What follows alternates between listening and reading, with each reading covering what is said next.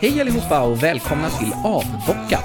Podcasten där vi i varje avsnitt bockar av ett antal ämnen från vår långa lista ur populärkulturens rika skattkammare. I dagens avsnitt så kommer vi att bocka av Dino Riders, filmen Donnie Darko och naturligtvis så fortsätter vi med vår dissekering av Varning för Jönssonligan. Är ni redo? Nu kör vi!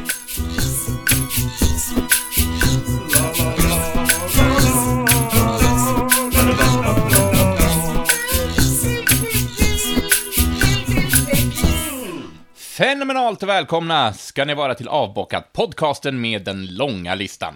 Tanken med denna podd är att vi ska beta av några ämnen i taget från ett långt pergament. Jens heter jag och ska fungera som navet i detta samtal och kommer att ha titeln Periferinörden i gänget. Och tur då att vi har tre fullfjättrade och högst kompetenta fellow nerds. Jag säger hej till Johan Moe Mostedt. Yo, yo!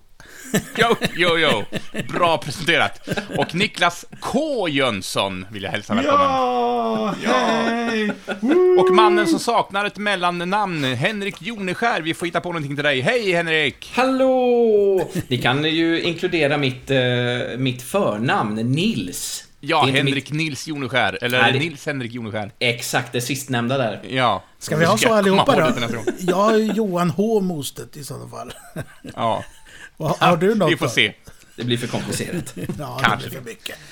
Så mina herrar, jag tänkte ta och presentera lite grann vad våra lyssnare har framför sig. Det är nämligen så att i dagens avsnitt ska vi fortsätta vår dissekering av Varning för Jönssonligan, filmen från 1981. Och efter det så ska vi ta en djupare titt på Richard Kellys film Donnie Darko.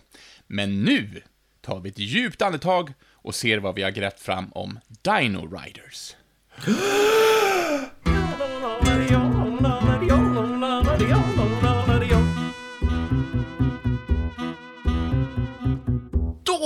Mina eh, förhoppningsvis blivande vänner, Dine Riders ska bli ett ämne som jag har sett fram emot för att jag vet ingenting. Jag vet bara att det är en animerad tv-serie som sändes i 14 avsnitt enbart 1988. Så att jag tänkte se vem av er skulle vilja ta till orda först. Åh, kan jag få börja? Ja, Hen Hen Henrik studsar upp och ner, så Ja, Henrik. eh, jo men visst, Dino Riders. Eh, precis, bara 14 avsnitt. Men det är ju så mycket mer va.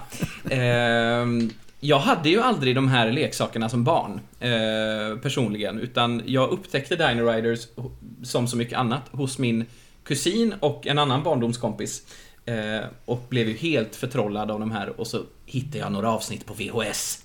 Eh, och sen dess har det alltid eh, liksom varit varmt om hjärtat. Så eh, jag har djupdykt lite i det här ämnet. Och jag tänkte inleda eh, så som den svenskdubbade serien inleds. Ja, visst. Så det kommer här. Efter att ha levt lugnt och stilla i många år på den avlägsna planeten Valaria tvingas Questar och hans folk ut i krig. Kraften i deras stegkristall slet upp ett hål i tiden och skickade dem tillbaka till den förhistoriska jorden. Omedvetna om att den onde ledaren Krulos samtidigt planerar att med hjälp av sina groteska styrkor stjäla stegkristallen. Det här är historien om sanningens ögonblick i en annan tid med Dino Riders, Dino-ryttarna. Där satt den! Ja, du, jag, jag har faktiskt eh, inte förrän nu sett den tecknade serien. Jag, jag, hade, jag hade ju bara figurerna. Jag hade Ja, några det. gubbar. Men, Ja. eh, så, så de levde i den fantasin. Jag tror man fick en liten serietidning till. Om jag inte minns helt fel. Men Det är inte stämmer helt bra. hundra. Nej men det stämmer helt och hållet. Man fick, eh, det var lite såna minicomics som, som ingick med de här leksakerna. Eh, Men vad ledde då, vad var det första? Var det serien, alltså serietidningen, eller var det tv-serien, eller var det leksakerna som kom först? Eh, exakt vad... Nej, men det som släpptes allra först var faktiskt serien. Det släpptes först eh, faktiskt 1987. Eh, slu- Tv-serien pratar vi om nu alltså? Ja, precis. Eh, släpptes eh, de två första avsnitten, tror jag, på VHS. Ehm, så det släpptes slutet på 87 och sen ganska tidigt 1988 så debuterade liksom tv-serien Eh, tillsammans med leksaker och också en serietidning faktiskt som Marvel Comics eh, stod för produktionen.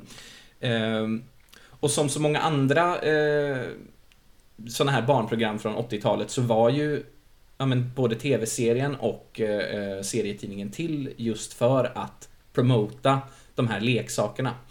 Eh, så vi, vi, kommer komma in på det lite grann, men man kan ju liksom säga att, det, att Dino Riders, eller Dino Riders som de sa på, på svenska. Det sa jag också faktiskt. Ja. Dino Riders. Eh, men det är liksom en liten mini-franchise eh, på något sätt. Eh, med just leksaker, serietidningar och den här tecknade serien då. Ehm, och jag tänkte gå in lite på premissen för handlingen för, ja men, ja, vad, vad, vad storyn är. Vad fan handlar det om? Ja, exakt. Varför, varför uh, finns det? Varför, varför gjordes det överhuvudtaget? Jättebra. Ja, det, det gjordes ju för att uh, Tyco, som leksaksföretaget heter, eller hette, uh, skulle tjäna pengar. Men, ja. men premissen för handlingen då, det är att uh, de här människorna, eller humanoider, eller vad man ska kalla det, från planeten Valoria heter den. I den svenska dubben säger de Valaria. Men vi kommer in på det också. men eh, men eh, människor från planeten Valoria, de är ett eh, fredsälskande folk, de har telepatiska förmågor eh, och liksom har varit i fred i, i tusentals år. De blir invaderade eh, och hamnar i krig med de ondskefulla Rulons. Som också är någon form av humanoider, fast humanoida insekter och djur. Ja, det är lite olika där. Det är någon termit och sen är det ändå en hammarhaj. Mm. Ja visst, de är olika folkslag. Eh, ja men om vi går in på, på Rulons lite snabbt så har vi ju de folkslagen som vi presenteras för i serien är eh, hammarhajarna, eller Charcours. Vi har Vipers som är eh, ormar helt enkelt, kobror. Eh, och så har vi ju The Ant-Men som är myror helt enkelt. Sen har vi också eh, krokodiler, och vi har någon form av, jag tror han är en, ehm, gud vad heter det, en, en sån här manta. Eh, skate heter den karaktären. Och sen har vi en eh, gräshoppa också. Och heter de, han Skate? Ja, den karaktären heter, heter det, Skate. Det, det engelska ordet för rocka, alltså. Ja, rock, ja precis. En rocka, ja. Så, så, så, det, var inte, det var inte ett jättegenomtänkt namn. Nej, och det är ju återkommande. Alltså, de här de här hammarhajsfolket, the Charcours, eh, som har hammarhajhuvuden, deras ledare eh, alla leds ju av en och gemensam kejsare då, vi kommer in på honom snart. Men deras ledare, han som leder The Charcours, heter ju då eh, väldigt inspirerande Hammerhead. Mm. Eh, ah. ja, visst. Är han en Ithorian då alltså, från, från Star Wars? Ja, ja. Visst Sen har vi så. väl Antor också, är han också ja. en ledare? Antor är ledare för Myrmännen, The Ant-Men. Hank Pym. Ja. Sen har vi Rasp som är ledare för uh, The Vipers, alltså uh, ormarna då. Uh, Rasp alltså, inte Asp. Nej, Rasp. Very dangerous. Men, men Rasp, det, då, nu är de ute och är lite äventyrliga här med namnen tycker ja. jag. Då. Ja, men jag det är tänkte de. först det var så här verktygsmännen då. Ja. Rasp och... ja, precis. Eh, och sen så har vi ju då som sagt Skate, eh, som är, han är, jag tror han är den enda av de här rockfolken som dyker upp, men han heter Skate. Och är en skate. Eh, sen har vi Locus, L-O-K-U-S, som är eh, representant för, eh, för gräshopporna, eller de här locusts. Sen har vi Croc, som är en krokodil. Ah. Och alla de här rulonerna, de här eh, onda folkslagen av insekter och farliga djur, förutom myror av någon anledning då, mm. de leds av den onde kejsaren Krulos. Och vad är han ja. för djur? Det vet jag. Han är en rälig groda. Yeah. Han är en groda, en stor padda. Eh, ja. Så en stor padda leder alltså de här hammarhajarna och, och uh, ormarna och allt vad det är. Ja, men det låter ju som ett uh, gediget val av ledare om man är ja. en krokodil och tar en padda. Yes, eh, men de här rulonerna då i alla fall, eh, ledda av den här paddan Krulos. Eh, de har ju som mål att erövra hela universum. Och har ju skapat sig ett stort imperium. Så de invaderar alltså då den här fredsälskande planeten Valoria eh, och ska ju förslava folket. De har utvecklat en teknologi som de kallar för brainboxing. De bygger helt enkelt stora eh, det som de på svenska kallar för järnlådor. Eh, som de... ja, det, det, är precis vad det låter. De sätter en låda på huvudet på, på folk och djur för att förslava dem helt enkelt. Men Valorianerna har ju sina mentala krafter va. Eh, och det kommer fram sen under seriens gång att eh, de här mentala krafterna är då alltså för starka för att kunna förslavas. Eh, och då tappar ju Krulos det helt och förkunnar att alla valorianer ska utrotas. Ja, det är klart. Ja, det är hårt. Det är faktiskt väldigt hårt för ett barnprogram. Eh, Men en eh, liten grupp av eh, rebeller under ledning av eh, Questar. Questar! Questar! Eh, lyckas fly undan den här massakern. Eh, så de flyr med ett stort, eh, ja, det är ett forskningsskepp egentligen som de har byggt för att utforska universum. Så de lyckas fly, jag tror att de är 400 pers ungefär. Eh, som överlever och klarar sig. Men Krulos följer ju efter och när trupperna då hinner ifatt så har alltså de här eh, goda valorianerna inget annat val än att öppna en tidsportal för att fly undan. Eh, och den här tidsportalen eh, för dem då till förhistoriska planeten Jorden. Eh, där eh, dinosaurierna härskar helt enkelt. Men som de också så fint säger i introtexten så vet de ju inte att eh, Krulos skepp The Dreadlock också har kommit igenom portalen. Eh, Vilket de- sammanträffande! Ja, tänk vilken premiss. Mm. Det kunde man inte förvänta sig att kampen skulle fortsätta. Eh, men så de kraschar ju på, på planeten jorden eh, och upptäcker då att Herregud, det är dinosaurier. Här kommer ett litet mär märkligt plot hole, eh, tycker jag. Eh, för både Valorianerna och eh, Rulons vet precis vad dinosaurier är för någonting. Fastän de uppenbarligen inte kommer från planeten jorden, någon av de här folkslagen, så har de stenkoll på både att dinosaurier, eller vad dinosaurier är och att, ja men då betyder det att då är vi på jorden. Ehm, Men då, då undrar jag, när Ja. är det de landar på jorden? Därför att T-rexen ja. eller eh, ja, de säger ju inte Tyrannosaurus. Eh, Nej. det ju, vi, vill vi ju också understryka. De säger ju Tyrannosaurus och allt möjligt annat. Men T-rexen och Triceratopsen levde under kritaperioden. Mhm. Stegosaurusen levde under juraperioden. Och Di- Dimetrodon, som är alla de dinosaurierna som jag orkade kolla upp, levde Ja. under permaperioden. Så, så när, när är vi? När? Du, det du sa, det du sa. Vi är alltså i en blandning av alla dessa tidsperioder på jorden. Nej men jag har gjort en anteckning om det också, att eh, de blandar ju friskt eh, med, eh, med dinosaurier och djur som ja, men aldrig någonsin existerade samtidigt eh, på vår planet. Utan eh, det är en alternativ jord där alla dinosaurier fanns samtidigt. Ja, ja. It's a multiverse! Istiden dyker upp rätt så snart där inpå också. Då, Ja, ja, den kommer sen, ja precis. Eh, Med lite, lite mer tidsresor. Det här är ju för övrigt en väldigt tydlig koppling till vårt förra avsnitt av den här podcasten. Det är ju, vi har ju tidsresor här också. Eh, Men, men i alla fall, de, som sagt, i den här odefinierbara tidsepoken på förhistoriska jorden med alla möjliga blandade dinosaurier så, så ehm, använder ju de här valorianerna sina mentala krafter för att göra sig vänner med dinosaurierna. Eh, och får ju hjälp av dem att liksom, ja, börja bygga upp ett samhälle och ja, de, de hjälper varandra liksom. ja. Medans de ondskefulla Rulons använder ju naturligtvis sin brainboxing. Och sätter järnlådor på dinosaurierna för att förslava dem och använda dem som krigsmaskiner i eh, det fortsatta kriget. Fy vad tarvligt.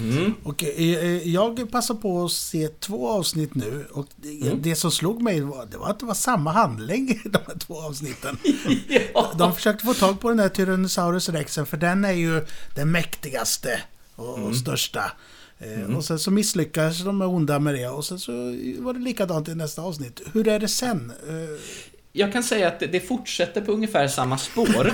eh, jag tror att det är, är väl i avsnitt två som Ja men de onda, för Tyrannosaurusen som naturligtvis är en, en köttätare, är ju, ja den hamnar på den onda sidan. Sen i och för sig, bara snabbt om uppdelningen där. De har inte en sån där supertydlig uppdelning av eh, för det, det, en ganska klassisk bild hade varit att alla köttätare eh, och rovdjur då hamnar på den onda sidan och alla växtätare hamnar på den goda sidan. Men så är det inte riktigt. Utan det är, Är, lite... är det en vegansk eh, eh, inkörsport? Ja, precis. detta, eller? Ja, det kan man tro. Ja. nej, Ja. inte riktigt. Eh, nej, men utan det är lite blandat. Eh, men, men som sagt, i avsnitt två så, så fångar eh, skurkarna, alltså Rulons, eh, Tyrannosaurusen igen. Eh, och Krulos förkunnar att aldrig, för det som händer är ju att de goda har ju skjutit av den här järnlådan så att Tyrannosaurusen blir fri från, från eh, deras kontroll. Eh, och han förkunnar då i avsnitt två att aldrig ska det hända igen. Några avsnitt senare så händer det igen.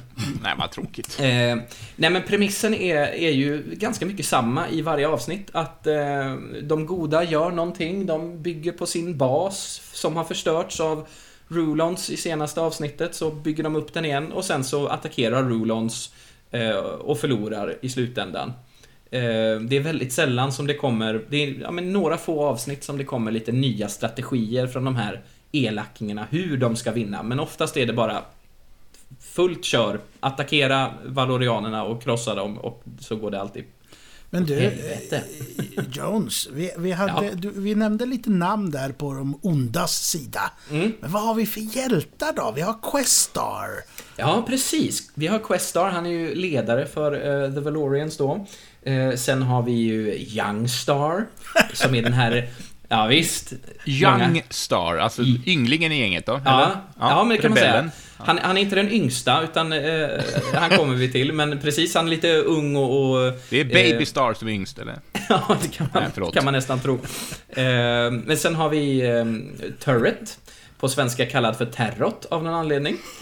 Eh, sen har vi Gunner. Gunnar. Eh, ja, som ibland faktiskt kallas för Gunnar på svenska. Av någon anledning, återigen. Men det är för att det är ju nära till det. Det Ja, ett vi kommer nog prata, prata lite mer om de här svenska uttalen av olika namn och dinosaurienamn och sånt där. Eh, lite senare, men eh, precis. Och sen har vi Serena som är en av de få eh, kvinnorna på, eh, ja, höll på att säga på den goda sidan. De onda har inga eh, kvinnor alls, de har bara Varann. manliga djur. De har bara varann. Eh, men Serena, som ju är, Eh, vad ska man säga, gruppens helare, om man ska göra någon slags jämförelse till eh, rollspel och, och liknande. Hon har ju då mäktig telepatisk förmåga att hon kan eh, hela f- eh, människor och djur som har, har skadat sig. Vad tänker du Jönsson? Hon, hon är den, hon är, hon är tjejen. Hon är, Hon hon, är den, hon är den kvinnorollen som alla de här eh, programmen hade. Som har, eh, hon kan göra sköldar eller Ja. hela eller eh, ja, telepat. Mm. Så heter hon Serena, Serene, lugn. Precis. Det är... Mm, vi kan problematisera det vidare. vi kanske ska ta ett steg till. Ja, exakt. Sen har vi en karaktär som är gamlingen, vis, den vise mannen i gänget, som heter på engelska Mind's Eye. Eh, Mind's Eye. Eh, fast med ett Z.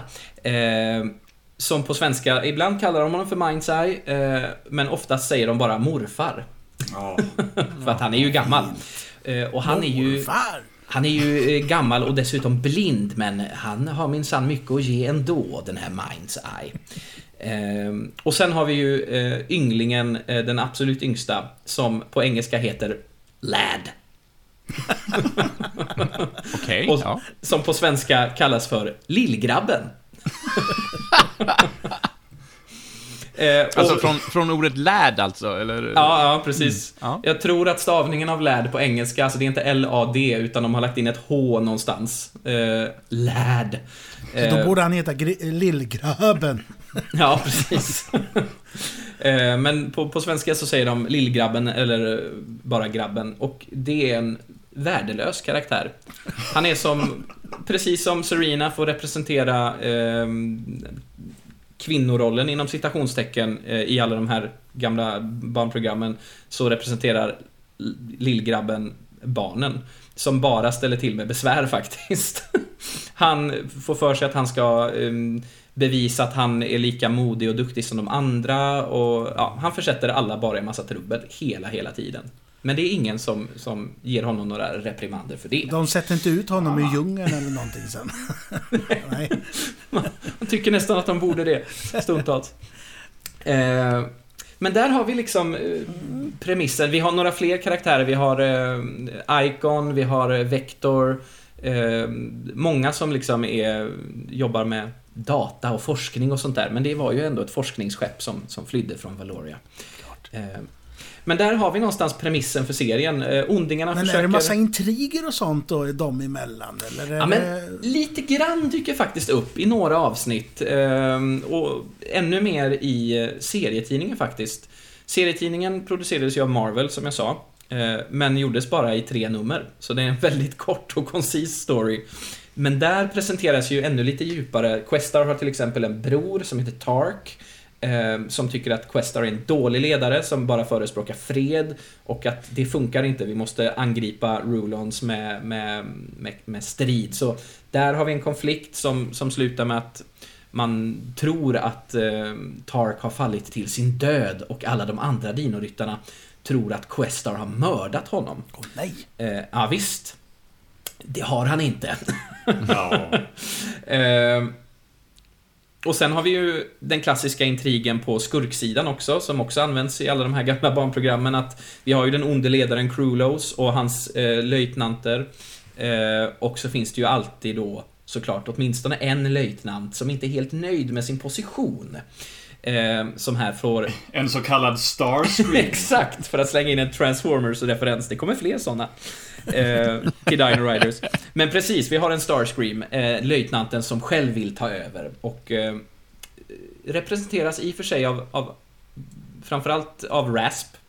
Eh, men eh, ja, man kan väl säga att det är ingen av de här Rulon som är riktigt helt nöjda med att, att eh, Krulos leder, utan de vill ju gärna ta över.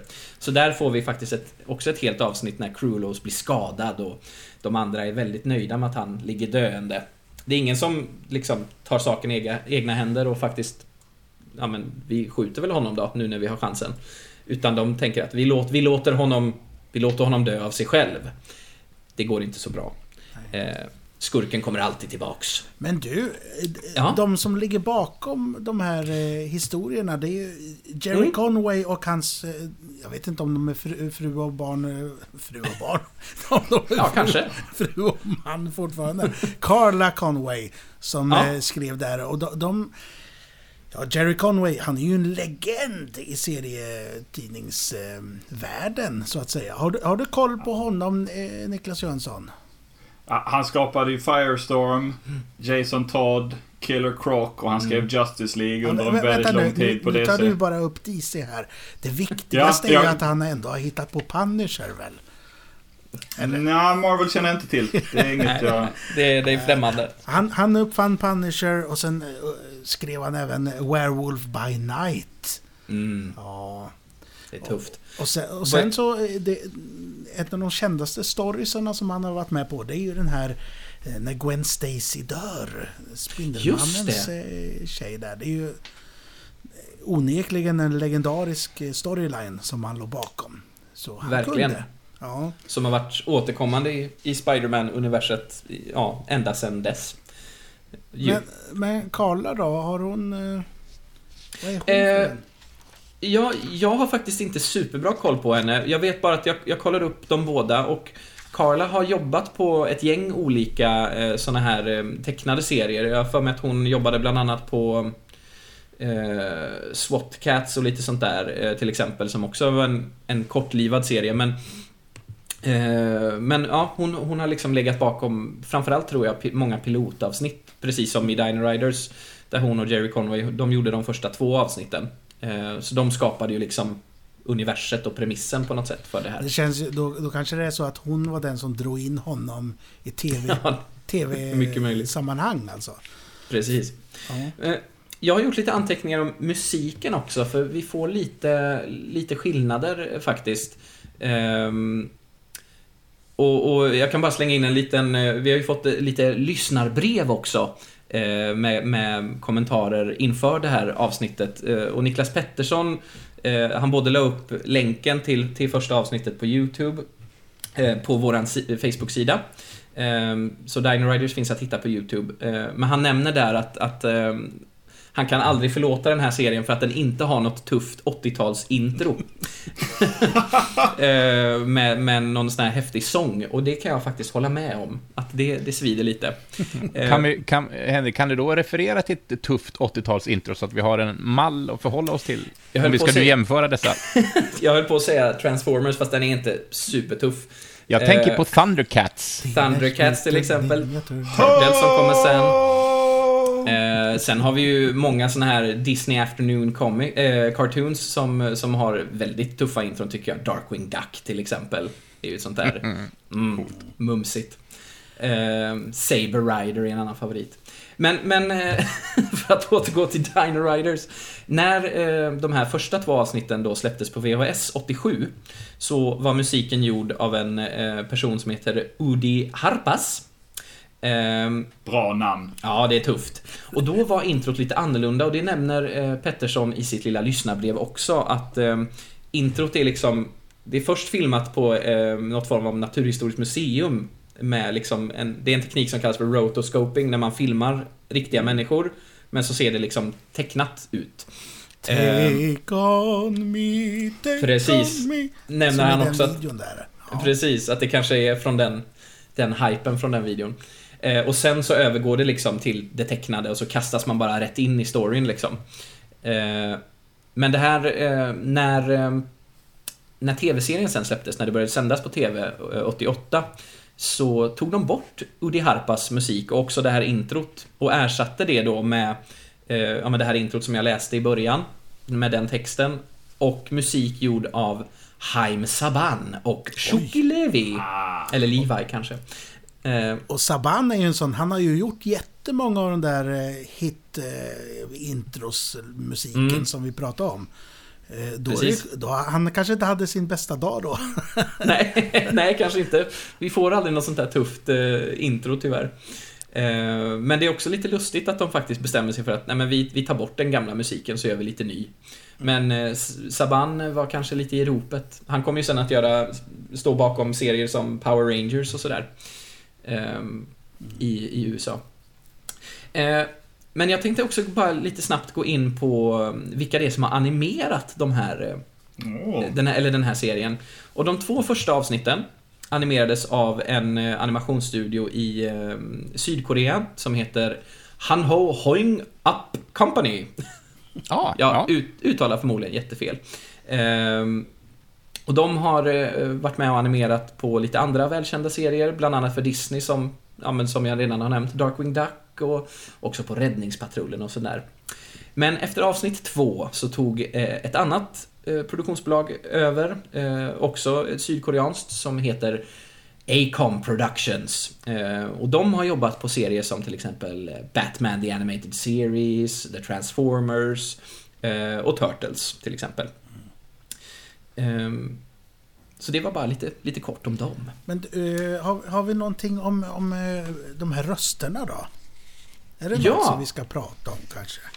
Det tycker jag verkligen att vi ska gå in på. Jönsson, hur var det? Hade du gått in på de svenska eller var du...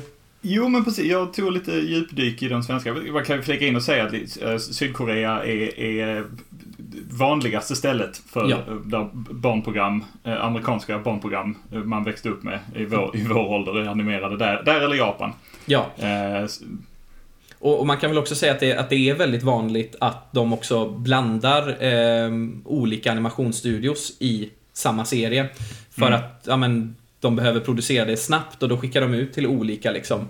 Och därför kan också kan det vara ganska varierande kvalitet från avsnitt till avsnitt på hur animationen är. Ehm, men, men jag kan bara ta lite snabbt eh, om de engelska rösterna då. Ehm, så går vi över till den svenska dubben om en liten stund. Ehm, och där har vi ju några riktigt ikoniska röstskådisar. som man kanske inte är medveten om det, men många av dem känner man igen från sin barndom. Vi har till exempel Frank Welker, som spelar rollen som Krulos och Rasp. Ehm, vi har eh, Peter Cullen, som spelar Gunner och Antor. Eh, och Frank och Peter, eh, Peter Cullen, de är ju tillsammans mer kända som Megatron och Optimus Prime från Transformers. Ehm, så här har vi lite, ja, det är ganska många som, som Men återkommer Peter- i olika serier. Peter Cullen är ju också ljudet som Predator-varelsen gör i Predator-filmerna. Precis.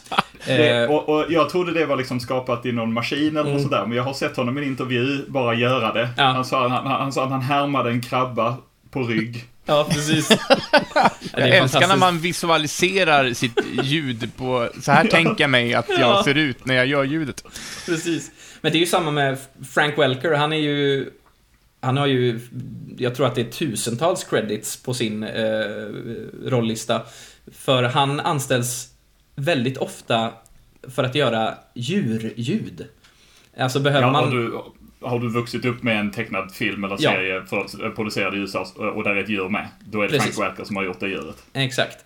Men Eh, han, han han, har han, ju- ja. Cullen, är det han som är uh, Ior? Eller vem är Ior? Ja, nej men det stämmer. Det är Han har gjort Ior. Yes. Eh, men, men Frank Welker, eh, ju, han blir ju anställd för att göra liksom, ja men vi behöver ett fågelkvitter. Mm. Eh, men vi behöver ha lite karaktär i det här fågelkvittret. Och istället för att då hitta ett faktiskt fågelkvitter så anställer de Frank Welker. Så får han komma in och kvittra. Han gör också rösten till Abu till exempel, apan i eh, Aladdin. Så precis som du sa, har man, har man sett en film med ett djur, en tecknad film med ett djur, så har man hört Frank Welker någon gång. Ja, alltså jag tror att, eh, jag, jag har inte kunnat eh, bekräfta detta igen, men jag är nästan säker på att jag har sett eh, eh, någonstans att, att han var Hollywoods mest välbetalde skådis. Just för att han eh, har så mycket royalties och, och, och liksom ständigt är inne och gör sådana ljud. Eh, och att, jag, när jag läste det så kommer jag ihåg att här, han var det fram till att Samuel L. Jackson gjorde sitt kontrakt, MCU-kontrakt. Och då gick Samuel L. Jackson om. Eh, och om man då jämför med hur mycket jobb det är. Mm. Så, jag, jag gör några filmer ett år, Mm. Samuel L. Jackson, och Frank Welker liksom dubbar. Det, det, det är mycket pengar. Ja, det är väldigt mycket pengar. Eh, Men vi har lite fler Transformers-kopplingar faktiskt i, i den engelska rollistan. Ehm, Questar då, alltså ledaren för Valorians. ehm, eh, Rösten görs av eh, Dan Gilvezan, som också var med i Transformers, som Bumblebee. Eh, Sen har vi Charlie Adler, eh, som i Dino Riders ger rösten till bland annat Hammerhead, min personliga favorit eh, Rulon. Eh, han har också en koppling till Transformers, eh, för han gav rösten till Starscream i Michael Bays fantastiska version. Du Ehm, låter lite tveksam eh, där, Henrik. Ja, det är ett annat avsnitt. du- Ja.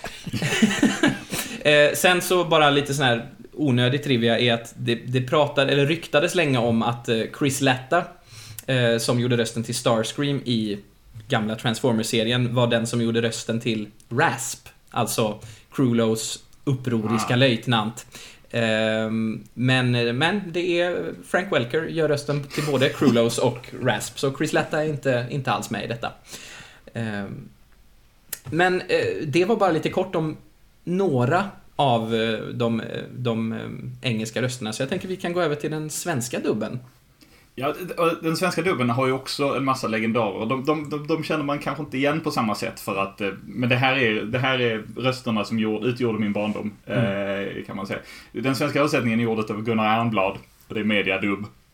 Eh, och, och han, alltså Gunnar Ernblad, ja, alltså för, för, förutom att ha spelat eh, Kling i Pippi på Folkan eh, på scen, så har han liksom, han har gjort Bananer i pyjamas, han hade flera roller i Droids, han är Mr. Freeze i Batman Beyond, han är Skeletor i He-Man, han är eh, Joakim von Ankas butler, eh, Albert, men han är också eh, halva Björnligan i DuckTales, han är Dr. Claw i Inspector Gadget, eh, alltså han är Kingpin i Spider-Man The Animated Series, han är Koopa i Batman. Alltså det är så mycket liksom. Kan man Eh, säga att han nästan är eh, Sveriges motsvarighet till Frank Welker? Jag tror, jag tror han kommer här. Eh, ja. nästa. För vår nästa på listan är Andreas Nilsson. Mm. Som är nog Sveriges mest dubbade. Han har ju ensamrätt på, på Kalanka i Sverige och har haft sedan eh, 80-talet. Eh, Han, eh, han är nästan alla skurkar i Batman The Animated Series på svenska.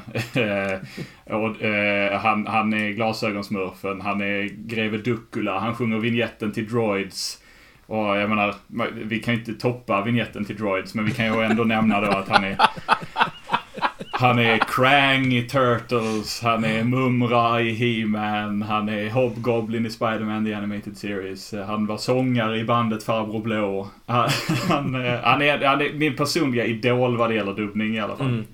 Och, och liksom resten av dem är, vi har en ung, en mycket ung Linus Wahlgren som eh, lillgrabben. Vi har eh, Staffan Hallerstam. Eh, ja men precis, Staffan Hallerstam som gjorde knattarna i någon av de svenska dubbarna av DuckTales. Han är eh, Youngstar. Och jag tyckte du kanaliserade Staffan Hallerstam så fint när du läste introt, även om det är Gunnar Ernblad Ja. som gör det i, eh, i, i serien. Eh, men I could go, alltså Louise Räder gör eh, då Serena och hon är eh, katten Luna i Sailor Moon exempelvis. Eh, hon, är, hon är Janine i The Real Ghostbusters. Hon är Lisa i den kortlivade svenska dubben av Simpsons. Mm. Och hon är Tula i Pirates of Darkwater som vi definitivt ska ha ett avsnitt om. Därför att jag, har, jag har ingen nostalgisk koppling till Dino Riders och jag klarade ett och ett halvt avsnitt innan jag, innan jag var Innan jag var tvungen att gå därifrån. Va? Det Jag är är ju hemskt briljant. ledsen Henke.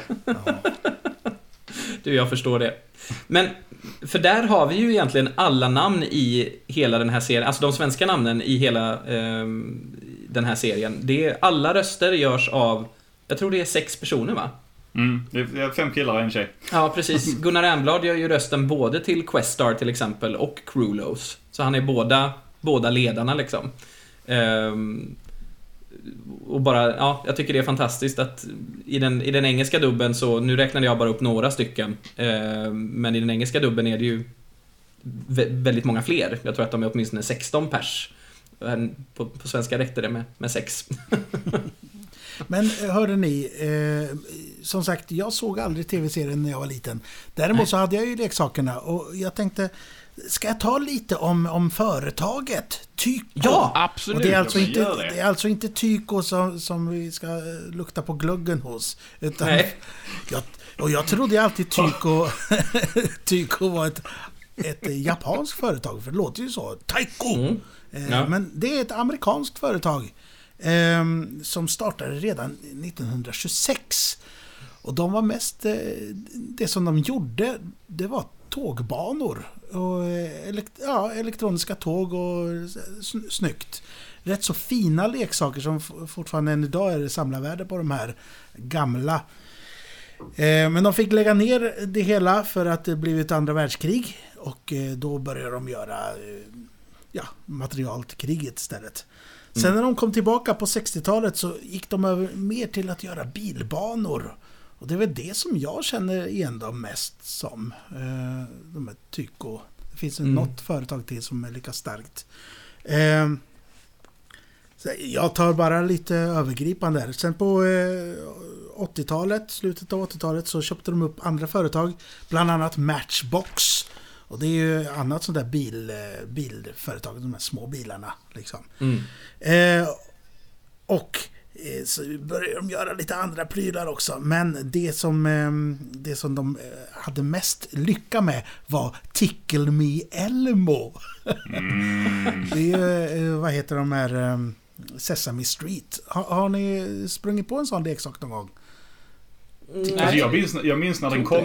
Eh, det var, jag, minns- det, den var på, alltså det var reklam för den överallt. Och den, den, den måste ha exploderat den leksaken i, i eh, figurativt i, i USA. Därför att till och med så här talkshow-host och sånt drev med det. Humorserier drev med hur liksom massiv Tickle Me Elmo Jag kan säga, eh, blev. jag, jag kan säga att den är fantastiskt rolig. Jag, hade ihop det med en ung dam. Eh, eh, eller, ja, vi, Ja, du var också vi, vi, var vux, vi var vuxna bägge två. Men hon hade en Tickle Me El- Elmo. Och så fort jag kom hem till henne så kunde jag ju inte sluta leka med den här. Man, man, man satte igång och så så räckte det med att man rörde på den där lilla Elmo så började han skratta. Och, Ja, kunde inte, och han la sig på rygg och, och flaxade med benen. Och, nej, fantastisk leksak. Eh, Den, eh, den figuren Elmo eh, blev, blev ju liksom en, en, en monstersuccé i, i, i Sesame Street också efter att ha varit en väldigt anonym bakgrunds eh, mupp.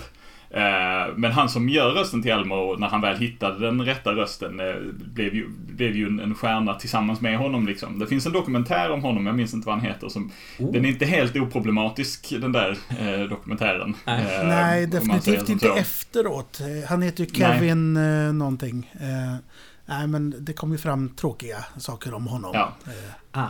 men det var en rolig leksak.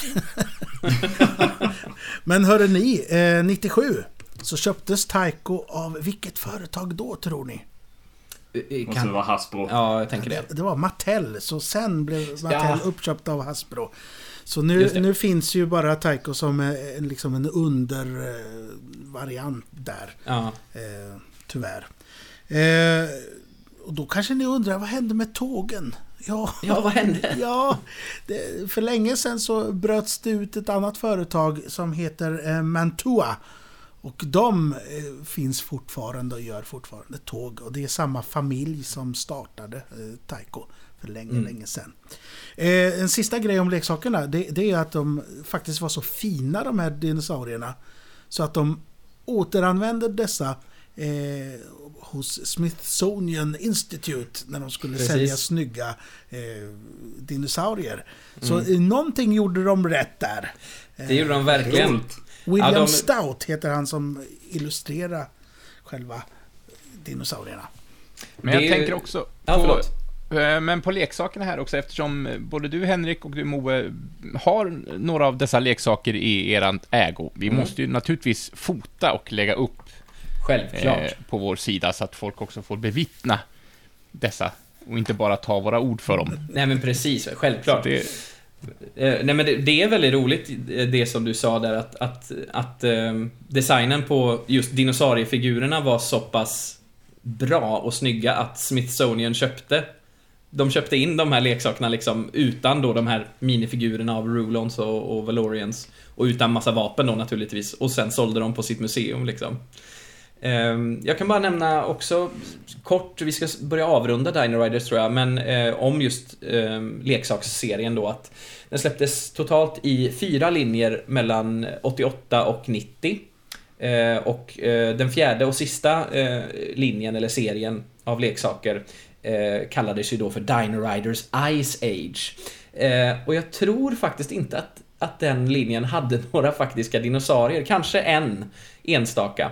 Eh, utan det var några stycken då, eh, de gick in i istiden helt enkelt som vi var inne på förut. Eh, och, och hade då däggdjur, alltså de hade till exempel någon mammut och, och någon så här sabeltandad tiger.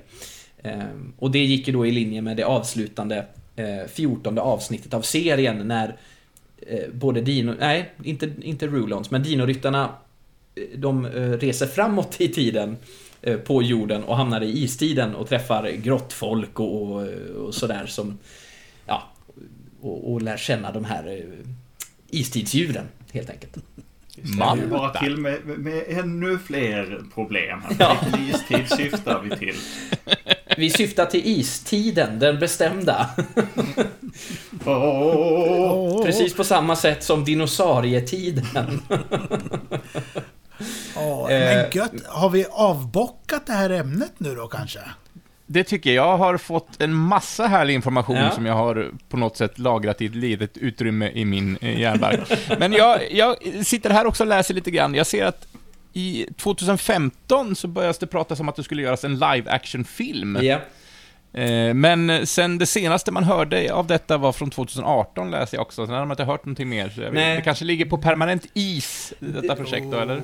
Det, man, det har börjat komma lite hintar om att märket ändå lever. Alltså, såna här gamla grejer, höll jag på att säga, men de här, alla de här gamla linjerna återupplivas ju eh, hela tiden. Turtles har ju levt kvar, samma med Transformers och, och He-Man kommer igen hela tiden också och sånt där. Men precis som du säger, det har varit prat om, om Dino Riders länge, men nu har de släppt eh, några slags minifigurer eh, som verkar vara om de ska släppa något, alltså göra något brädspel av det eller någonting. Men de har släppt ett Rulon Battle Pack. Eh, där man får liksom lite mindre, ännu mindre figurer då med dinosaurier och, och lite sådana små förare För, liksom. för vi nämnde inte det, att de är ju rätt så små de här figurerna. De är... Ja, Som en, De är- Ett halvt finger ungefär. Ja, men precis. Själva, Själva figurerna. gubbarna, ja. Gubbarna, ja. Så de, de gjorde ju det för att dinosaurierna eh, skulle... Att de skulle kunna hålla nere storleken på dinosaurierna så att det inte skulle bli Mm. allt för dyrt att ja, men varken producera eller för eh, konsumenten att köpa då. Men då får ni till att lägga en referenspryl eh, när ni fotar era leksaker Ja, sen då? absolut. Absolut. Folk får en uppfattning. Eh, Yes. Ja, men- men vad härligt. Eh, är det någon som vill bara komma in med en spontan tanke? Annars tänker jag att vi går vidare i programmet. Eh, Nu blickar jag ut över er här i Ja. Zoom-mötet. Ja, men jag, jag kan bara säga att eh, det är ju en briljant idé. Alltså, de kombinerar ju science fiction och dinosaurier. Alltså, det är, det är ju en briljant... Det är ju en briljant idé. Eh, det är ju två sweet spots, liksom. För väldigt många kids och uppenbarligen även vuxna. Som jag. Eh, Så idén är briljant. Sen kan man ju fundera på utförandet av själva serien. För som sagt, den blev ju nedlagd efter 14 avsnitt. Ja. Eh, Det, det finns de serier som har överlevt längre. Så är det, kan man ju säga. Ja. De, de blev som dinosaurierna, ett tidigt möte, eller Ja. ödet till mötes. Exakt. Ja, nu ska jag sluta med referenser, så eh, vi tackar så mycket för detta, eh, Henrik, eh, och eh, nu tar vi ett litet andetag, och sen så tar vi och dissekerar lite Jönssonligan, hörni.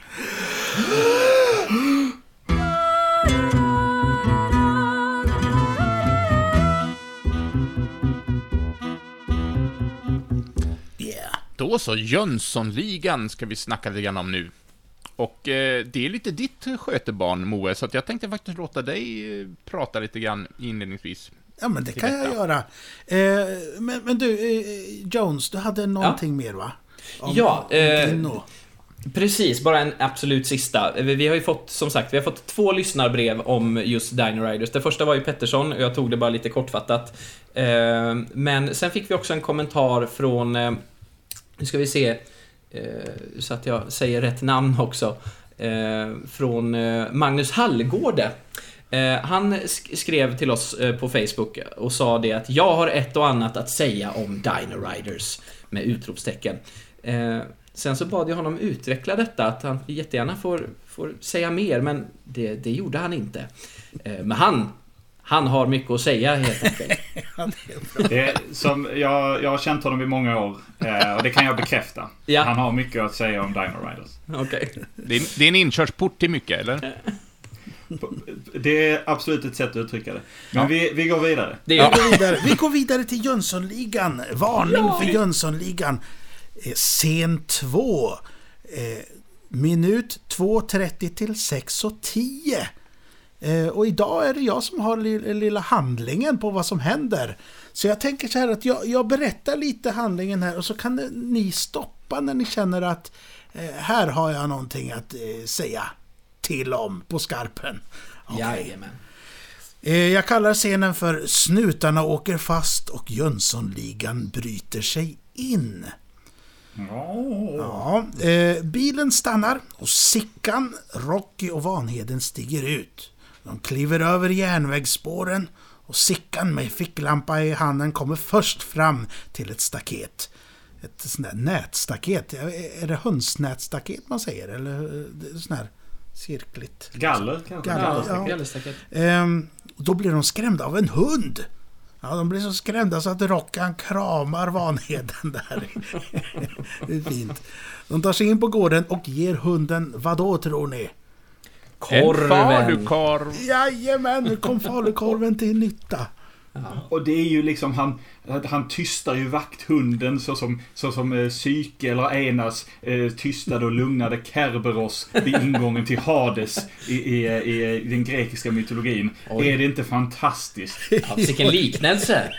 Det är fantastiskt. Undrar om det var medvetet. Ja, Jag, jag, det är klart, sä, säkerligen var det det. Jag tycker Ja. det är så gött, eh, för, eh, ett snabbt steg tillbaka, när de går ut ur bilen så får vi se deras skor. Mm. Eh, vi ser deras fötter liksom. Och det, det, det, man kanske inte tänker på det första gången, men undermedvetet så, eh, så tänker man nog på att skorna säger så jättemycket om deras karaktär. Ja, den här, och hur de förhåller sig till varandra. Från svarta lackskor till de här liksom, italienska seglardojorna som Vanheden har. Och Rockys ganska alldagliga sneakers. Liksom. Det, det, det, säger så mycket utan att säga något. Och det, ja, men det är så tydligt också, eh, som jag sa det, jag sa Sickan, Rocky och Vanheden. För man, man ser egentligen bara deras eh, skor, men ändå ser man direkt vem det är som kommer ut i vilken ordning liksom. Ja, precis. Eh, Eh, och, men, visst är det så att eh, nu, alltså när de bryter sig in eh, och tystar hunden där med korven, det är väl första gången vi får höra något av deras namn, alltså Rocky.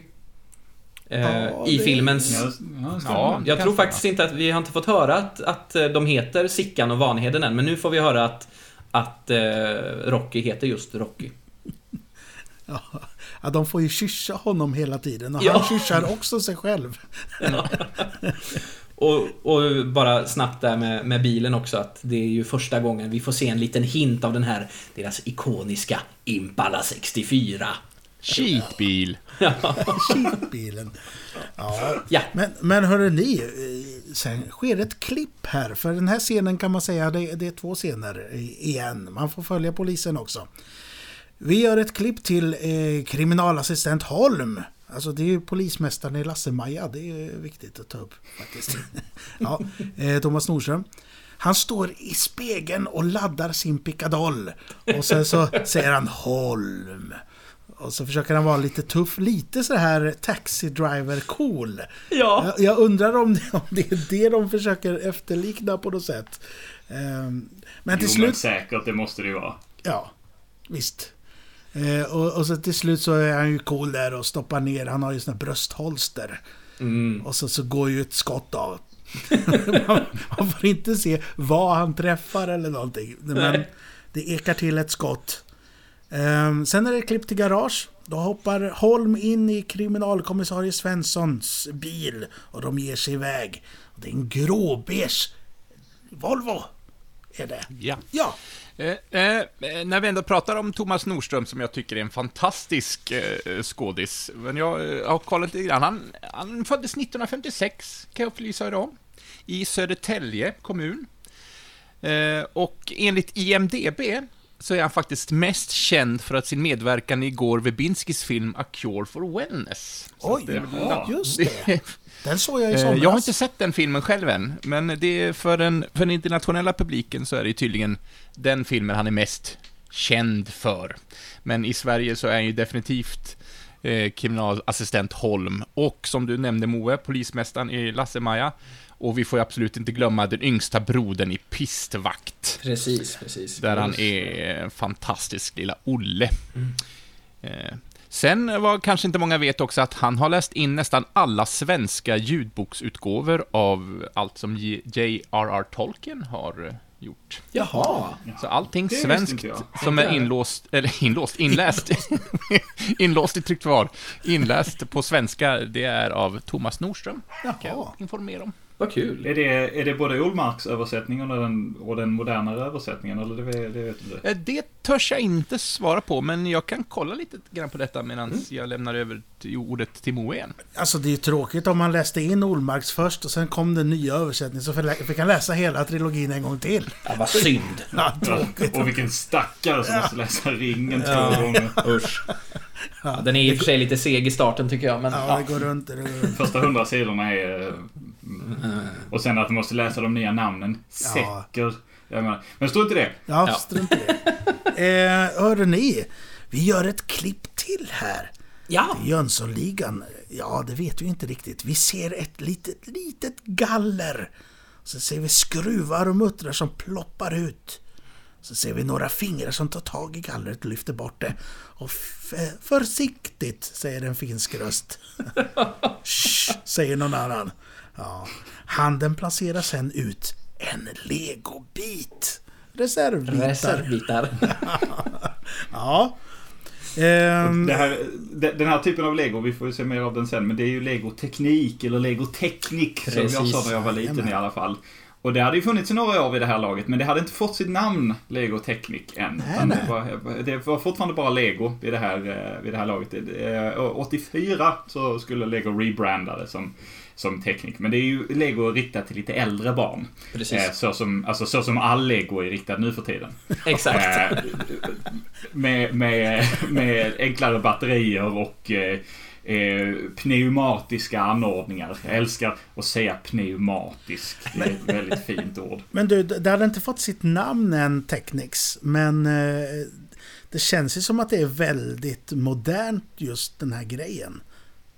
Jo, 77 kom det. Eh, så det hade ju funnits i några år, men det hade inte kommit till Sverige än. Och de här, det är svårt att veta exakt vilka, eftersom alla legobitar, oavsett när de är gjorda, passar med alla andra legobitar. Mm. Eh, så är det svårt att veta. Och, de här modellerna är ju custom made. Så det är svårt att hitta exakt vilka modeller de har utgått från för Mm. att bygga. bygga. Men det, vi kan gå vidare i handlingen först. Ja. Vi gör ett snabbt hopp igen här till poliserna som med sin, i sin Volvo blir stoppade i en poliskontroll. Ja. Eh, De här poliskontrollanterna, de har en sla- slags pingisrack med stopp på. Det tycker jag är Ja. fint. Sådana ser man inte idag längre. Eh, Nej, nej. de stoppar det. Rutinkontroll och de vill se körkortet och kommissarien hittar ju inte sitt körkort. Det är Det tråkigt. är rackarns, ja. Ja. Det här har vi ju de enda nya karaktärerna som egentligen dyker upp i, i veckans klipp. Det är de här två polisen, alltså poliskontrollanterna då. Eh, som stannar Svensson och Holm för att kontrollera körkortet där.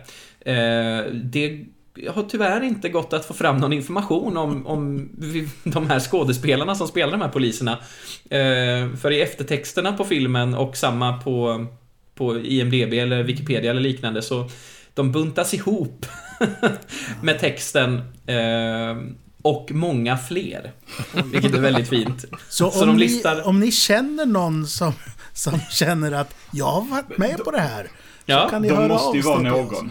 Ja, Alltså, De är ju någon de där. Nej men alltså, ja, de är ju liksom antingen någon ur teamet och någon, eller någon lite så här semikänd som liksom fick vara med för, för, att, för att göra det här. Och det, det, det, det kanske finns på Svensk Filmdatabas, men den har legat nere i några dagar så det Ja. gick inte att, att kolla upp. vi, det kanske våran vän eh, och Jönssonligan-fantast eh, Linus vet. Vi skickade ut en fråga till honom, vi har inte fått svar på våra första frågår. Nej, han Till totalt honom ignorerat oss. Ja, usch. Men vi jagar honom. Han håller väl på och processar allting, Det tänker jag. kan vara så. Jag gör så att Ja. jag hoppar till nästa eh, del med poliserna. Jag håller mig kvar här hos dem. Holm går ur bilen. Han går fram mot polisen som frågar Har du legitimation? Och då säger Holm så här Nej! Jag har ingen legitimation! Oerhört stressad. Ja. Han babblar om Jönssonligan och tappar sin pistol. Han är ju eh, värsta klanten alltså. Eh, De här två poliserna tar upp pistolen och luk luktar mystiskt på den. Ja. För den har ju Fin precis avfyrats. Ja, väldigt fin. Eh, nej men det är roligt, men det är ju det där, han, han har ju en superstress, han har ju fått det här tipset ju, att, att Jönssonligan ska slå till, så det är ju de är ju på väg dit för att äntligen få fast Jönssonligan. Så, ja, det är härligt. Han har en riktigt stark frustration i den lilla scenen. Men eh, pistolen i sig påminner svagt om, en, eh, om James Bonds Walter Mm. PPK. Eh, men jag kunde inte, jag är ingen pistolfantast och jag, jag, jag, jag vågade mig till och med bort till Flashback för att se om det är, är någon som, men jag kunde inte hitta någonting där heller. Den Så om det är någon som vet, zonen. Ja, men jag, jag tror inte det är en Walter PPK, men om någon vet, för det är den enda pistolen jag kan namnet på nämligen. Alltså, Om Mm. någon vet får ni gärna s- s- s- skriv till oss och berätta vad det där är för en pickadoll. Ja, jättegärna. Eh, hade, har du hittat någon mer information Jens?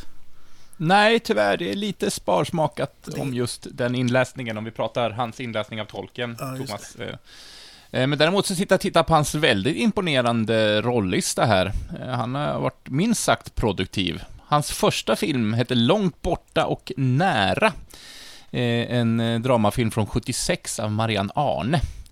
Det var hans första kliv in i filmvärlden. Och sen om vi hoppar till det han har gjort senast nu är eh, ska vi se här. We Got This, en tv-serie. Eh, men jag vet inte varför den är... Serien är skapad av Chia...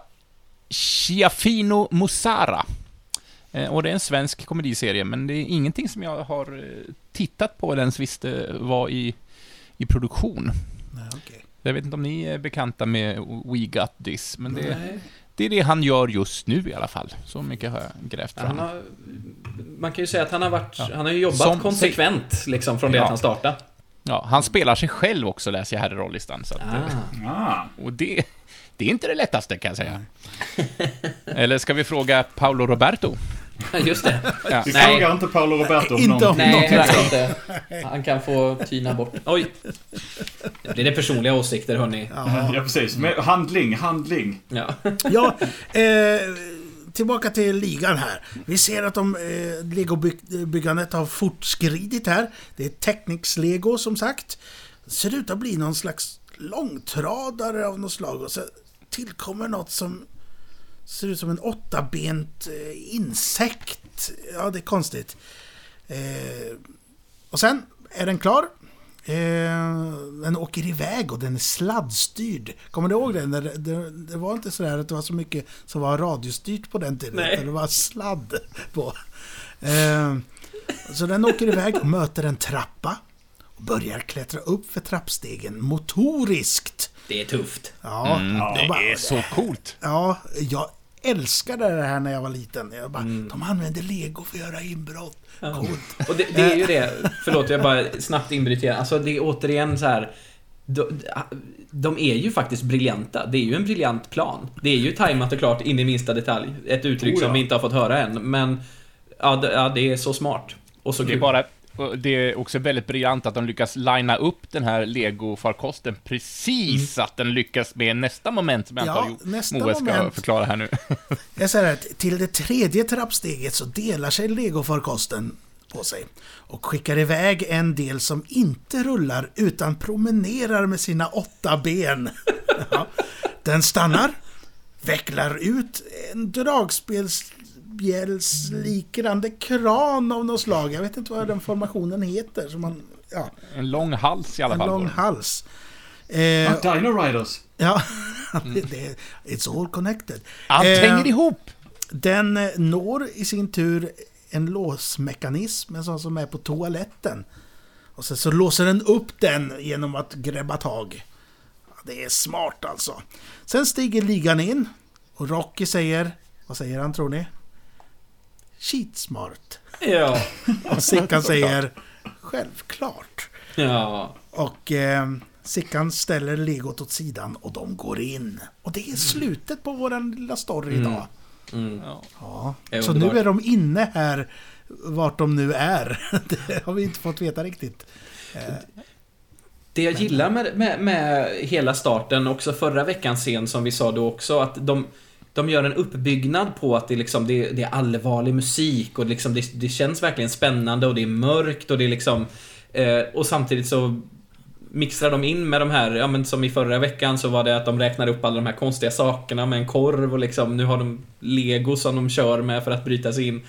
Eh, men liksom de behåller, de har en allvarlig övergripande ton eller vad man ska säga men, men det blir väldigt tramsigt där i på något sätt. Ja, jag kan inte Beskriva jag, det ty på ett jag tycker sätt. musiken är genial än så länge, för den Ja. är så här skrämslig. Ja, precis. Men, men det är. Jönsson...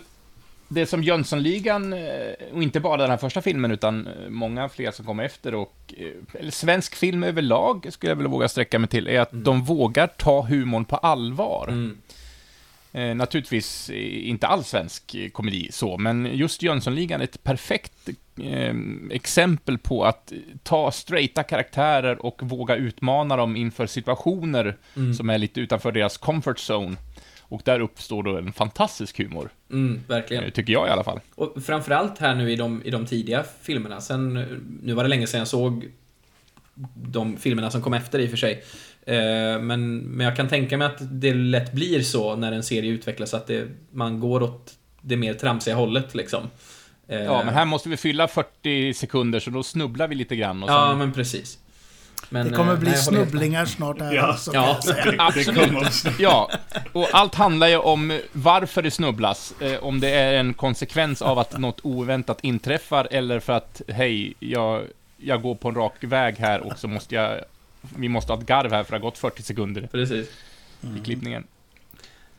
Ja, det är, det är jag, jag, jag, kan, jag, jag kan, eh, apropå Legos-tekniken där, för jag, jag blev lite nyfiken på vem som kom på den idén, eller rättare sagt vem som eh, var tvungen att implementera den. Mm. Det var två, två killar som skötte specialeffekterna på den här filmen, och en av dem, Peter Bäckman, eh, han har gjort lite specialeffekter på andra filmer, men gick sedan upp och blev produktionsdesigner. Så han var produktionsdesigner i Nile City, exempelvis.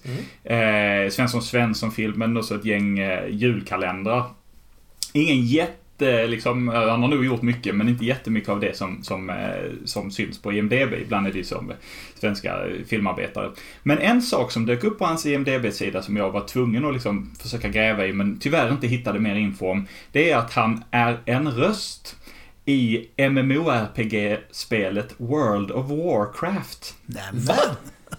Det var oväntat. Ja, det, det var inte vad jag räknade med heller. Han är även röst i ett annat eh, spel, ett äldre spel någon gång på, på 80-talet. Så att det är inte helt främmande. Det kan ju också vara så att det här är IMDB-algoritmen som har mixat ihop det är två, möjligt, ja. två människor. Men jag har försökt uppdatera IMDB med, med information eh, rörande olika saker. Och den är ju väldigt nitisk så att mm. man inte blandar ihop eh, folk. Så vet ej. Eh, jag kunde inte hitta mer information men jag blev extremt nyfiken för det är inte en specifik röst utan det är additional voice ja. i World of Warcraft. Det... Eh,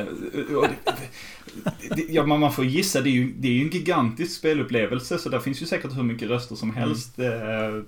Man har väl kanske lånat från produktionsdesigners ja, världen om. Ja, kan, du, kan du säga Dabu? Ja. Eller okej?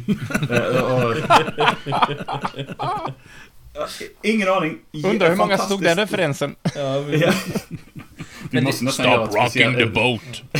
Men det är ju ett jättespännande hopp. om han som är de rösterna. Ja, faktiskt. Warcraft 1 och 2. Men det är ju ett jättespännande hopp att liksom gå från produktionsdesigner på, eller specialeffektsansvarig då på, på Jönssonligan till att göra röster till World of Warcraft. Ja men verkligen. Hur, hur har det uppkommit? Ja, jag, jag, jag är supernyfiken. Ja, det där är spännande. Vi får se, vi kanske, eh, vem vet? I framtiden i den här avbockat-serien. Vi kanske kan få till lite intervjuer med folk om vi lyckas spåra, spåra ifatt dem. Spåra upp någon snut eller något. Ja, precis. Uh, har ett meddelande från en lyssnare också för övrigt. Mm. Från min, uh, på Skå I Skåne säger vi nästkusin, men i resten av landet tror jag man säger syssling. Tony Tjus, han meddelar Sämsk skinn används för att torka av bilen efter tvätt. När de inte används är de stenhårda, måste blötas för att fungera. Och så har man, om man är i en välutrustad verkstad, en handmangel på vaskkanten för att pressa ur vatten för att få den att suga upp ordentligt. Så nu vet vi det. Just det, det var ju från, från förra veckans, eh, eller från förra avsnittet av Avbockat när, när eh, vi funderade lite på vad ett sämskskinn var. Ja, och nu är de vår officiella sponsor också i detta. Det är fantastiskt. Sämskskinn AB. Mm. Vi har inte pratat med dem än, men de kanske nappar på, detta, på det efter det här avsnittet. Det tror jag. Ja. Försäljningen kommer skjuta i taket. Ja, ja. Vet ni, jag har, eh, om jag får eh, flika in, så har jag en annan grej här som jag tänkte säga. Eh, ni kanske undrar, hur såg det här bioåret 1981 ut? Ja! Och kanske framförallt hur såg det ut vid jul eller vid december? För den här filmen hade premiär i december. Den, det har jag alltid undrat. 4 december hade den här premiär. Eh, ska se. Den 12 december, då hade Rasmus på luffen premiär. Alltså Allan Edwall... Eh... Allan Edwall-varianten. Mm. Sen den 18, Göta kanal. Och mm. Pelle Svanslös den 25 eh, december. Så det var rätt så tätt där med eh, filmer på, svenska filmer på bio. Eh, Verkligen. Just i december. Övriga svenska filmer på, på bio det året är Enfaldiga mördaren. Och Sopor. Och Tuppen av Lasse Hallström ja. och Härenstam. Men både Enfaldiga mördaren och Sopor, alltså två Hasse och Tage produktioner? Ja, men, eller svenska Enfaldig mördaren är en Hasse-produktion och Sopor är en Tage-produktion. De går, eh, under, de går under svenska ord alltihopa men, eh, men en, eh, även om de verkligen kunde sitta ihop och, och, fungera som en enhet så gjorde de rätt så mycket isär också. Så Sopor okay. tror jag är helt Tage faktiskt. Jag tror inte mm. ens Hasse är med i den. Och Enfaldig mördaren vet jag är, är helt Hasse. Okay. Ja. ja. En Hasse och en Tage-produktion helt enkelt. Men det är, det är ett sjukt bra filmår. Eh, Ja, det är ju... jag, jag, Verkligen. jag ska inte Det- nämna alla om ni inte vill. Men jag säger det. Raiders of the Lost Ark. Ja. Excalibur. En amerikansk varulv i London. Eh, The Howling. Scanners. Eh, Arthur, när en brud för mycket med, med vad heter han? Dudley Moore. Dudley Moore, ja. Dustboat. Mad Max 2. Flykten från New York. Ur dödlig synvinkel. Yes. Time Bandits. Fredagen den 13 2. Halloween 2.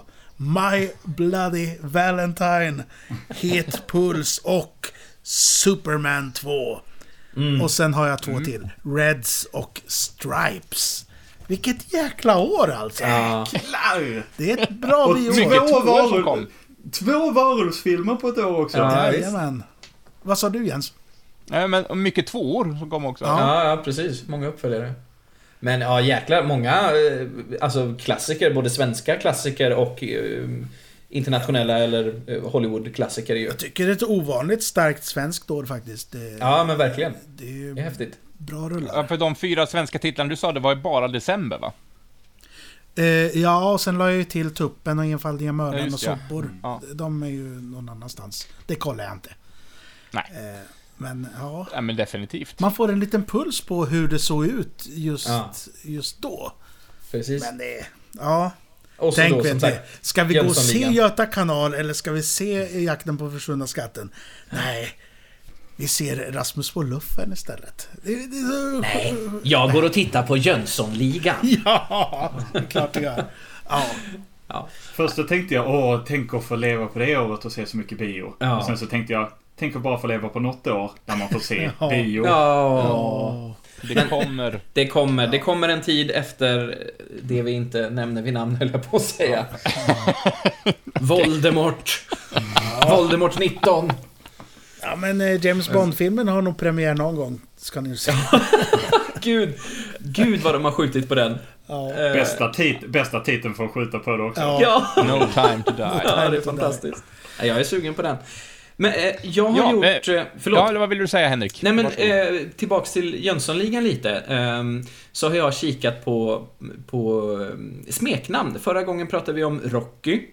Eh, och eh, jag tänkte prata lite om eh, smeknamnet Sickan idag. Eh, jag har inte jättemycket info så det kommer gå ganska snabbt. Eh, men det kanske är någon annan i vårt eminenta gäng som kan fylla i lite. Eh, men det jag har kunnat få fram om smeknamnet Sickan, vi har ju som sagt först och främst inte fått höra det än i, i filmen, men vi tar det idag ändå. Eh, Sickan är tydligen ett eh, smeknamn primärt då för eh, namnen Sigrid och Signe. Eh, och eh, verkar också ha varit ett, eller kanske fortfarande är, ett vanligt kattnamn. Ehm, när, jag, när jag sökte på Sickan så kom det upp hur används det här i en mening och det var väldigt mycket referenser till katter. Ehm, Okej. Också av någon anledning väldigt mycket referenser, eller satt i meningar om att Sickan har brutit benet eller Sickan har blivit skjuten och så vidare. Så mycket våld och mycket katter. Eh, Men i filmen Lilla Jönssonligan så får man veta att Charles Ingvar, som ju karaktären egentligen heter, att han har en syster som heter Sickan Jönsson. Eh, Och jag tänker att det kanske är därför som han eh, inte är särskilt förtjust i det här smeknamnet. Det kommer vi också komma in på eh, i framtida avsnitt. Eh, men det var faktiskt allt jag kunde hitta om, om smeknamnet Sickan. eh, Det var inte så lite det. Nej. Men det kan vi ju gräva mer i när det väl dyker upp. För Ja, vi, jag vi, har- vi, jag vi har- ju inte hört det än. nej, Jag har jag har lite jag kan flika in där, men jag, jag hoppas jag inte säger fel. Men det, det kanske jag gör. Men det är så här att eh, Sickan spelas ju av, eh, vem då? Gösta Ekman. Ekman. Gösta Ekman. Och han hade en pappa som hette Hasse Ekman. Som spelade väldigt mycket mot Sickan Karlsson. Och eh, det ryktas om att... eh, Jag, jag har hört någonstans att, eh, att hon gick ner och inte gjorde så jätte fancy filmer efter ett tag. Och gick, gjorde lite mer komedi och sådär. Och det sågs väl lite ner på det. Och Ah. att det här var en liten sån där gliring att, ja men nu gör, Gösta, nu gör jag något som kanske inte är så fint. Och så kallar han karaktären för Sickan. Eh, Jag vet inte hur sant det är, men eh, det är... Det är, det, är, det, är, det, är, det, är, det är en väldigt bra teori i alla fall. Eh, så här, det, det kanske är för bra för att vara sant. men, den är, men den är... Men jag har hört den också. Jag Ja. tror, eh, postulerar inte Kalle Lind det i sin eh, Hans Alfredsson-biografi? Eller jag helt Det kan vara så. Eller också har jag hört... Det känns som att jag har hört någon säga det. Men eh, ja, det var därför jag inte Ja, kunde jag, riktigt jag kolla har upp också det. läst jag har också läst någonstans eh, väldigt vagt eh, påstruket att, eh, att just Sickan Karlsson och karaktären Sickan, att namnet ska ha någon form av parallell, men jag har inte hittat. Och det är ju rätt så logiskt då, Gösta och Hasse Ekman på något sätt. Ja, men precis, precis. Ja, alltså för, för gemene man så räcker det ju med att eh, han kallas för Sickan och att de flesta kopplar det till Sickan Karlsson. Mm. Och att det är, så att det, det, man behöver ju inte gå längre än så. Det funkar ju i sig. Mm. Mm. Ja. Men jag tänkte på, eftersom Jönssonligan är en, eh, ursäkta ordvalet, rip-off av Olsenbanden. Yeah. Eh, va- men jag, jag har inte riktigt koll på vad de karaktärerna heter. Egon, Benny och Kjell heter de tydligen. Ja. Mm. Så, så att det, den, den svenska valet av Charles-Ingvar har ingenting med... Nej. Kommer ju inte därifrån i alla fall, kan vi ju kanske stryka på. Det- Detta sker ju när Olsenbanden eh, har paus också. Mm. Mm. Olsenbandens eh, eh, näst sista film kommer 81. Eh, och sen så har de paus i 17 år. Eh, innan nästa Olsenbanden-film eh, kom. I, som kallades för Olsenband på play, som är, betyder Olsenbanden på ålderdomshem. Ah. Den hette inte det, men den kallades det i, under produktionen. Jag, jag tänkte Olsenbanden den- på playan först, det var det jag hörde. ja. Så, åh, svenska ple, plebejer. Men då, har, eh, då, förklar, då förklarar de det i handlingen med att Egon då, deras Sickan, har suttit på eh, Institutet för teoretisk kriminalitet i 17 år innan han, eh, innan han släpps ut. Och det var lite så, det, det, det, det var den, det var det sista de gjorde för eh, Kjell, deras Rocky, han dog under inspelningen och det gjorde regissören också. Och två Oj. andra skådisar dog kort efter premiären. Så att, eh, Nej, det, var liksom, det var det sista andetaget. Det var lite som eh, Twin Peaks eh, sista säsong där. Att Mm. eh, vi måste göra det nu för att alla dör. Ja, usch. Ja, det är ju, det bl- blir ju tyvärr så. Men Jag läser också den danska motsvarigheten till den svenska frasen ”Lysande Sickan är skidgott Egon”. Skruvad! Jo, Så det är nog därför Rocky säger skitbra. ja, Ah, just det. Ja, ja. såklart. Men hörru ni, jag, jag tror vi kan eh, dra och... och vad, nu kan vi dra. Nu kan vi dra. knyta ihop säcken här eh, just Ja. den här gången med, med Jönssonligan. Och nästa gång, då är det scen 3. Eh, Löst kallat. Eh, och då är minuten 6.10 till 9.17. Så Det är en rejäl liten bit där. Jag kallar scenen för Stöten. Ja, det blir spännande. Ja, Mm. fint. Ja, men su- superbra. Vad härligt att få prata lite Jönssonligan. Men vi ska faktiskt prata om ett sista ämne innan vi tackar för oss denna gång. Och vi ska ta och hoppa till ett år som är 2001, när en film eh, kom ut. Skriven och regisserad av Richard Kelly och en vid tillfället i alla fall etablerad Jake Gyllenhaal. Och en film som på IMDB har 8,0 av 10 betyg. Nu tar vi ett andetag, tycker jag, och så ska vi prata om Donnie Darko.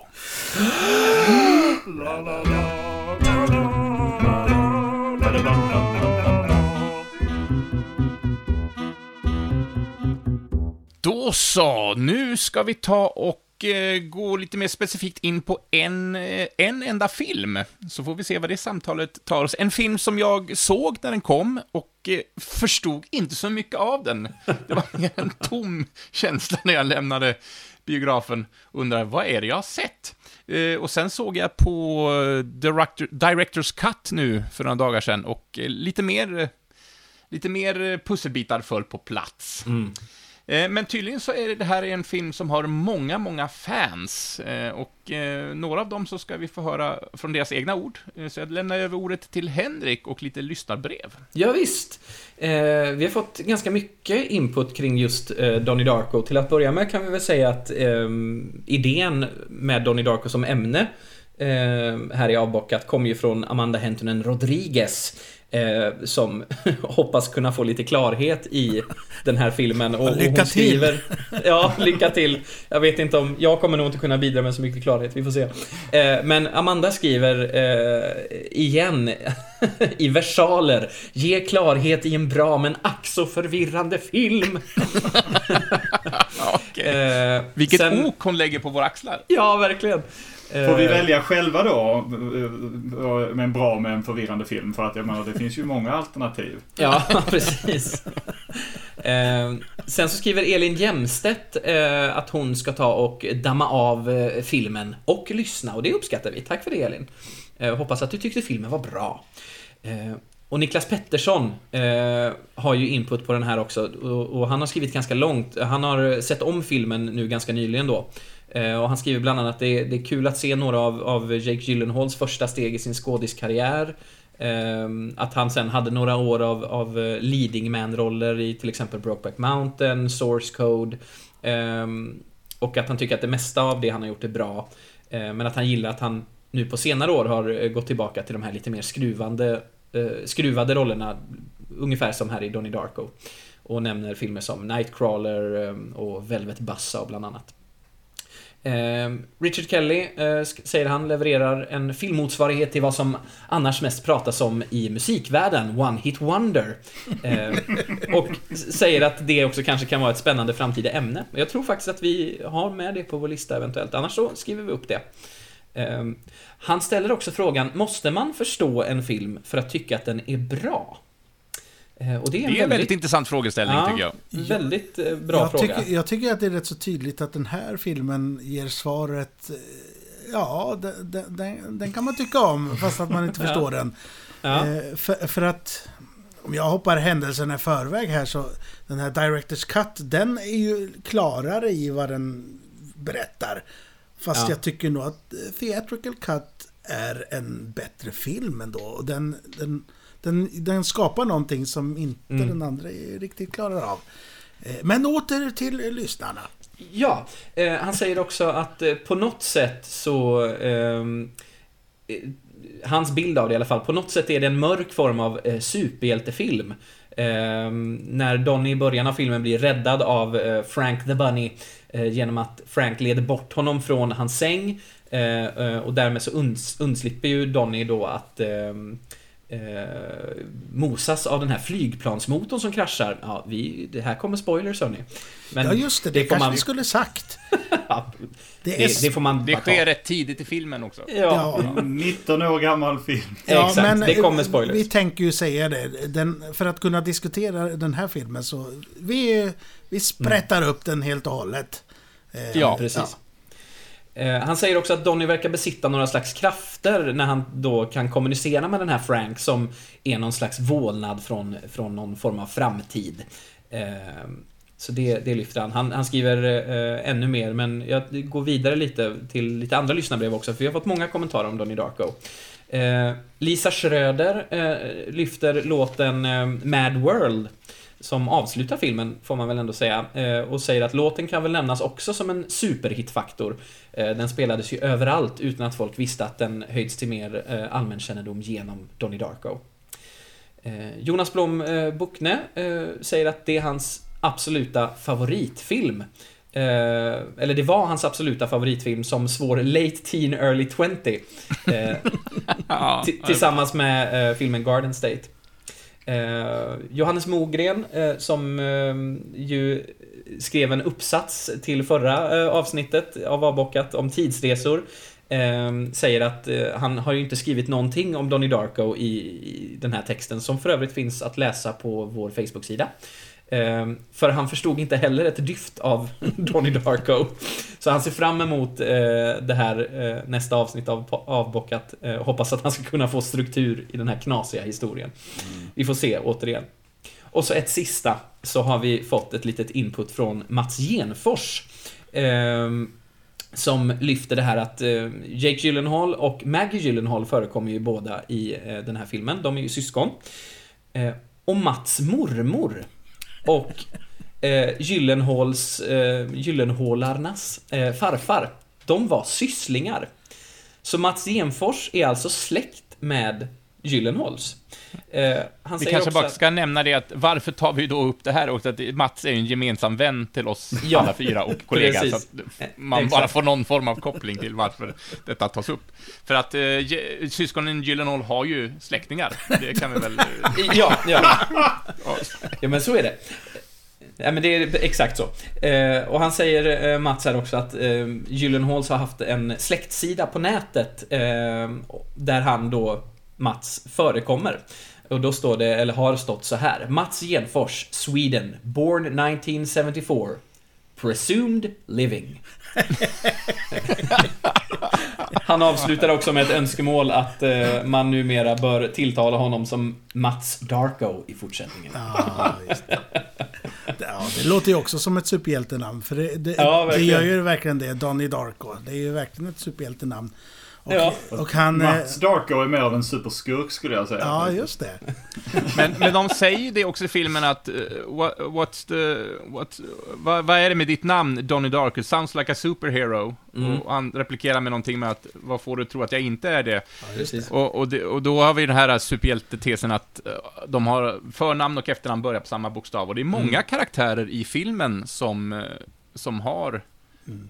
Ja men just det, att deras förnamn och efternamn är på samma bokstav. Mm. Rich- Richard Kell, eh, regissören, han har ju hävdat det rätt så bestämt att det är en slags superhjältefilm det här. Och att eh, Donnie Darko är en superhjälte. Ja, ja eh, men, men eh, hur, hur vill ni göra det här? Ska vi, ska vi gå igenom handlingen eller ska vi hoppa direkt till lite... lite Men Moe, kan, kan, inte du ge en, en, kan inte du ge en basic eh, på handlingen Moe? Ja. Eh, Oj, ja. Relativt simpelt. Ja, det, det, det är- en sida långt. Eh, men jag, jag ska fatta mig rätt så kort. Donnie Darko.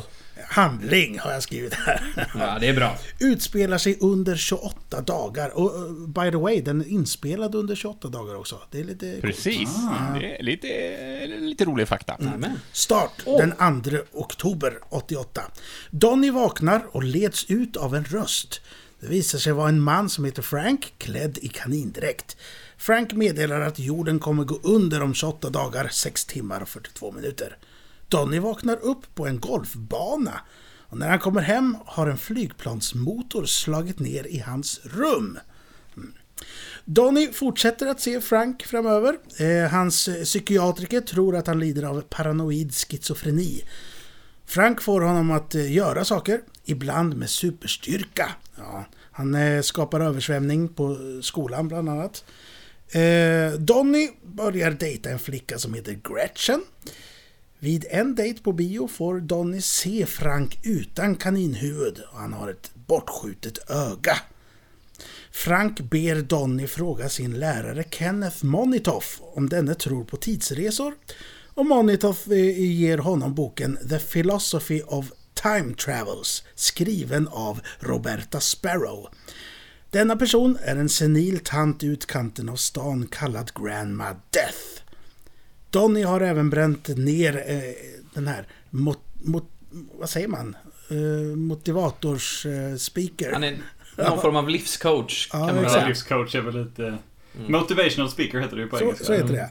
Ja, jag hade någon ihopsättning här av orden. Alltså, han bränner ner hans hus under en... eh, ja, men det är då under biobesöket så går han ut där och, bränner ner huset. På detta vis så avslöjas det att denna eh, coach håller på med barnporr och han har en barnporrsring där liksom. Ja.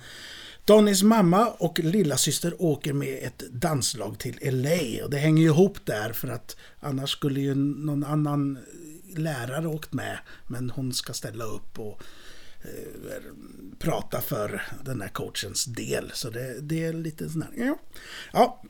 Eh, fortsättning. Donny och hans stora syra ordnar en halloweenfest. Donny tar med sig Gretchen och två eh, till kompisar och åker till Grandma Death. Och tiden börjar närma sig. Två mobbare, bland annat Seth Rogen i hans första roll. Yes. Hör Det ni? mindfuck att se honom sådär. Ja. Och har ni sett vad hans första replik är? I like, I like your boobies. Och det är väl lite den eh, spåret han har fortsatt på i, Ja, sina, kan man säga. i sin filmkarriär. Va? Eh, Satte han standard. Seth Rogen och hans eh, elaka kompis där håller på att göra inbrott. hos den här Sparrow då. Eh, bråk uppstår och i tumultet blir Gretchen överkörd av en bil. Chockad kliver två män ut ur bilen och den ena är Donnys syster. Nej, det är inte Donnys syster, men Donnys systers nya kille, Frank Anderson. Och inte Frank Andersson, brottaren då. nej. Men han är iklädd en kanindräkt, så det var han alltså. Som är, de, de har ju varit på halloweenfesten och ska åka och hämta mer öl eller något sånt där. Donny skjuter Frank i ögat. Där har vi ögat där då. Eh, Donny tar med sig Gretchen och ser från en höjd i stan där hur ett vortex breder ut sig över Donnys hus. LA-flyget med morsan och lilla systern fastnar i vortexet. Och en av flygplansmotorerna lossnar och det, det är ju tankt då att det är, vad heter han, Donnie Darko själv som rycker ner den här motorn. Eh, tiden rullar tillbaka och vi ser Donnie vakna upp och le innan flygplansmotorn slår ner i rummet och han dör. Utanför, efter någon tid, är familjen och räddningskår samlad och Gretchen åker förbi och vinkar med sin cykel. Så mm. slutar filmen där. Vinkar hon med cykeln? Ja, ja. hon håller upp cykeln och så vinkar hon. hon vinkar ja. från sin cykel. Ja, ja. ja. det är själva eh, handlingen. Det är det som Vä Väldigt sakligt eh, förespråkat och berättat, mm. absolut. Ja. Ja, det, det, som, det som läggs fram i filmen, och gissningsvis mer i Directors Cut, nu har jag inte sett Directors Cut, verkar ju vara den här idén om att en tidsresa eh, skapar en tidsloop som skapar en, det som på engelska heter tangent universe, ett perifert, eh, ett avstickande universum. Mm. Eh, och premissen som filmen lägger fram är att det här avstickande universumet har en, en, en, en finit levnadstid. Den, den kan, det kan bara existera liksom ett, ett speciellt tag. Eh, gissningsvis de här 28 dagarna. Vilket försätter eh, eh, Donny i en loop och Donny behöver i princip avsluta loopen, så att säga, offra sig själv genom att avsluta loopen för att resten av världen ska kunna existera. Det är mm. det som läggs fram i filmen som det som händer. Om det så är tydligt eller ej, men det är väl den, det, det som folk är mest överens om att det är det som händer. Han borde ha varit i sitt rum när flygplansmotorn kraschade, eh, men eh, Frank kaninen, eh, spöke får vi väl säga, Eh, han, får något, eh, han får en beteckning, nu kommer jag naturligtvis inte ihåg vad det, vad det var. The Charged Dead eller någonting i den stilen. Mm, eh, det, ja. För som uppdrag att locka honom så att han inte är på platsen, så att han kan så att säga avsluta eh, eh loopen. Genom att va, se till att flygplansmotorn kraschar. Det, vi pratade om sist om farfars paradoxet, vilken del startar loopen då? Vilken del startar det här för, för att hända, eller vad säger bootstrap-paradoxet? Och det har jag inte riktigt fått, fått någon rädsida, rädsida på. Nej, alltså på, på något sätt så, så, så är ju den här extra motorn det är den som är extra och eh, på grund av att den finns i det här separata universumet så kommer, eh, den, eh, kommer det gå under hela det separata universumet. Mm. Så hans uppdrag då, Donnie Darko, det är att han ska få, få motorn att hamna i det vanliga universumet. Så det, det är mm. hans uppdrag. Och på det uppdraget får han hjälp då av de här som har dött i det separata universumet under den här tiden. Och det är ju, vad heter han, eh, Frank. Frank. Mm. Och, sen, Frank Andersson, ja. och Gretchen, eh, påstår folk. Det tycker jag låter som en liten sån här påklistrad på efteråt. Att mm. ja, men då är hon också och hjälper till. Ja, jag vet inte fasen om jag kan köpa det.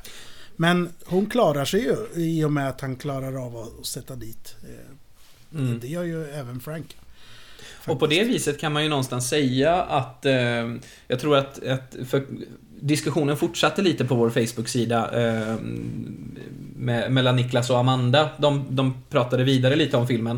Eh, för att de båda hade sett om den nu då. Eh, och, och, just det att Pettersson nämner det att så här, men det är någon form av superhjältehistoria och på, på sätt och vis så blir det väl det för genom att liksom lösa den här loopen så förhindrar ju då Donny att Gretchen dör till exempel. Eh, och eh, det avslutas ju också med eh, att alla olika karaktärer vi har fått möta, de vaknar där och, och eh, det är som att de är drabbade på något sätt liksom. Ja, men den här eh, barnporrs eh, motivational speaker som spelas av Patrick Swayze eh, verkar ju verkligen drabbas på något sätt och man får nästan en känsla av att han ångrar allt det hemska han har gjort. Om han verkligen gör det, vet man ju inte. Men, eh, men man kan ju absolut dra den superhjälte-parallellen på något sätt att han, han räddar ju världen på något sätt. Mm. Genom att avsluta den här tidsloopen liksom. Men all, alla karaktärer som på något sätt har haft ett eh, ett möte med Donnie Darko genom filmen, just den tidsaspekten när vi möter honom i filmen, får man ju se också i en liten sån revy ja. eh, på slutet, där, mm. där kameran vandrar över alla. Man, man ser alla att det är något, det är något emotionellt som händer mm. med dem. De känner, även fast vissa av de där karaktärerna inte ens har mött Donnie, så har de gjort det i det här Tangent Universe i alla fall. Mm. Till, till den här DVDn av Directors Cut och sådär, då, då kunde man faktiskt läsa den här Philosophy of Time Travel. Eh, ett litet eh, ut, utdrag från den.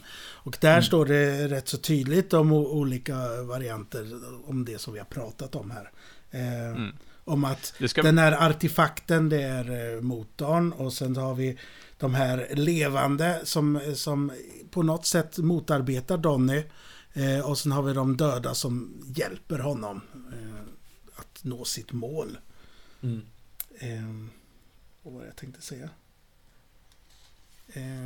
Jo, jo, och det är lite kul om, om de, när loopen är sluten och eh, alla vaknar upp där i den här, eh, i, låten där. Då, eh, då ser man ju att de, han tittar på sitt eget öga, han Frank exempelvis. Mm. Och sen även då när han släpper av sin eh, syrran till huset. Då tutar han rätt så länge med bilen för att han ska väcka Donny. Så att Donny ska ta sig ut ur, ur huset. Så att han inte mm. behöver dö. Eh, det hade han inte behövt göra. För det sägs att den här Roberta Sparrow, hon som har skrivit boken, också är en sån tidsresare. Och hon har ju bevisligen överlevt. Fast hon mm. är ju lite knäpp i huvudet. En lite koko. Mm. Mm. Eh, ja, eh, det finns också en, eh, en video på YouTube som heter Donald Darko Explained. Det finns ju massa sådana videos mm. och vissa är väl mer eller mindre bra. Mm. Men jag hittade en, jag tänkte jag skulle länka den sen i, på Facebook, som också förklarar filmen, så att den blir lätt hanterlig, om man nu vill ha det så. Alltså, det är många som tittar på sådana här filmer och inte vill ha det förklarat. Mm bit för bit, utan eh, man får använda sitt eget, sin e-, egen, egen upplevelse och eh, låta det vara ut därifrån. Och då ska ni inte titta på den här eh, explained-videon såklart. Håll er borta. Just det. Men det, det, det, finns ju mycket, det finns ju mycket, alltså det här tidsreselagret är ju det yttre lagret på något sätt. Även om det kanske inte är, är superförklarat, än en gång mer tydligt förklarat i Directors Cut-versionen tydligen. Men jag menar, man skulle ju, alltså, bara, bara för att det passar in så behöver inte det vara läsningen, alltså det behöver inte vara den rätta läsningen av filmen. Som jag har förstått så har regissören varit väldigt noga med att säga att det finns ingen rätt läsning av filmen. Eh, alltså för att det är lika mycket i filmen som skulle kunna eh, indikera att allt det här sker i Donnys huvud. Han, är, han har ju bevisligen någon form av, eh, av psykos eller någon form av mentala problem som han äter piller mm. för. Mm. Där kommer ju tillfällen där det sägs att det bara är sockerpiller. Men jag menar om allting sker i vårt huvud, eller i Donnys huvud, så är han ju det som kallas för en unreliable narrator. Mm. Att vi helt enkelt inte kan lita på att det han ser är det som så att säga sker. Eh, ett, ett eh, ganska så Ta eh, filmen Joker som kom för något år sedan. Den har ju mm. en, ett, liknande grepp eh, där. Mm. Att bara för att man, men, men, men till skillnad från Joker så får vi aldrig veta vad som egentligen hände. Jag använder jättemycket air quotes här när jag pratar. Uh, och, och, och så. så. så. kan det vara. Det är, en, det är en möjligen tråkigare förklaring, men det kan ju också vara en möjligen intressantare förklaring beroende mm. på var man kommer ifrån. Precis, och, och jag har ju eh, aldrig sett den här filmen innan. Eh, nu har jag sett den som research för det här programmet, men jag, ja, den har liksom inte dykt upp på min radar riktigt innan. Men när jag såg filmen, jag var ju också förvirrad som så många andra och liksom så här, ja. Och för att besvara eh, Petterssons fråga återigen att nej, jag tycker inte att man behöver förstå en film nödvändigtvis för att tycka om den, för jag, jag tyckte om den. Många fantastiskt fina skådisinsatser och den är ju spännande. Precis som du är inne på Niklas, att, att eh, just det här att man och, och som du också sa Jens, att man får göra sin egen tolkning. Eh, och jag var väl kanske lite mer inne på den här tråkiga tolkningen om man, får, om man ska uttrycka det så. Att så här, nej men, det här med tidsresorna, visst det finns ju mycket som talar för det. Men precis som du säger så det finns också mycket som talar för att han mår bara inte bra. Och kanske är han faktiskt drabbad av en psykos. Något som slog mig var att, och som, är, som också bidrar lite till både förvirringen men också det som gör det intressant för mig, är att Gyllenhaal, alltså Jake Gyllenhaal spelar Donny som Alltså stundtals kan han kännas lite som en antagonist. På, på sätt och vis. Alltså han är en ganska mörk karaktär liksom. När han eh, kommunicerar med Frank så, och han har själv pratat om sitt, eh, sitt eh, alltså hur han valde att porträttera de scenerna. Att han går in i någon slags barndom. Men han hamnar i något väldigt mörkt också då och det Han känns som är att han... väldigt bra där alltså. Han är väldigt bra. Och det känns som att han verkligen tycker om att göra ja, vissa av de här hemska sakerna som han faktiskt gör. Ehm, och aggressiva och våldsamma sakerna. Ehm, så man får också en liksom känsla av att, ja men är du någon form av skurk? Är du en superskurk om man ska dra superhjälteparallellen liksom? Ehm, nej men det är väldigt spännande film och det, det är ju kul med såna här filmer som genererar så många olika teorier liksom. Där är ju en, eh, där är ju en religiös läsning också. Eh, Ja. att han, han pratar om travel within God's channel och det placerar ju Pat, Patrick Swayzes karaktär eh, som, som djävulen. Och Ja. man, kan, man kan ju få för mycket Patrick Swayze. Då säger jag ta bort det där. Så. Ja. Men det, eh, det, det finns ju förlåt. många små stories som är väldigt fina. Jag älskar Mm. den här lilla historien med, med vad heter den, Conchita Chen. Asiatiska Ja, tjejen. ja. Som är mobbad och faktiskt en skillnad på Directors Cut och eh, den vanliga som jag inte var så förtjust i. Eh, Det var att i originalet, theatrical, då när hon dansar sin dans, ni vet på uppträdandet. Då Ja. är det några som skriker “Get off the stage!” Det är inte Ja. med i Directors Cut. Och jag tyckte det var Nähä. lite synd sådär. Att, ja, varför har de gjort så på något Ja. sätt? Det kan man ju undra. Det skapar en helt annan stämning liksom. Ja, för det är ju någonting som att hon, alltså i theatrical cut då, att hon går upp på den scenen och folk är hemska och liksom, ja men buar och ropar sådana Mm. saker. Men hon gör det ändå. Ja, Det tycker jag ger ganska mycket en känsla av att, vad modigt liksom. ja. Du har bara bestämt dig för att nu skiter jag i de här äckliga mobbarna liksom. Ja, och sen så Ja, är det tycker- jag- intressant att, att det är de här, eh, det ytliga dansnumret som vinner allting. Och man bara, ja. Ja. Fast det är du som kommer hålla fanan högt för konsten Ja. sen. Liksom. Det är lite kul med den skådisen, jag kommer inte ihåg vad hon heter nu. Men hon är ju med i Wanda Vision nu. Du skrev det till mig häromdagen. Ja, det var jätte... jag Jag hade, ja. Ja, hon- hon hade ingen koll på Är det. hon det? Ja, hon, hon är en, en av dem i, i stan helt enkelt. Mm. Hon sitter med på den här. Jolene Purdy heter hon, Ja. skådisen. Jättekul! Ja. Jag bara, det var så konstigt för jag såg det ju liksom successivt med varandra. Ja, bara, men där är hon igen! Liksom, Ja. 20 år senare. Ja. Tänk att, tänk att Mysterio gav henne goda råd innan hon... Ja. Alltså, jag, jag kan väl säga så jag, jag tyckte väldigt mycket om vad Blom Bockner sa. eh, Att det var hans absoluta favoritfilm när han var ung och ångestladdad. Eller vad det var Precis. han sa det. För att, alltså, jag såg den här filmen första gången tillsammans med en tjej som eh, jag var hemskt kär i. Och jag var 20 år gammal tror jag och eh, i den tiden i mitt liv där jag var helt övertygad om att jag visste allt. Mm. Eh, som man är när man är sena tonåren, början av 20, att man är, åtminstone jag.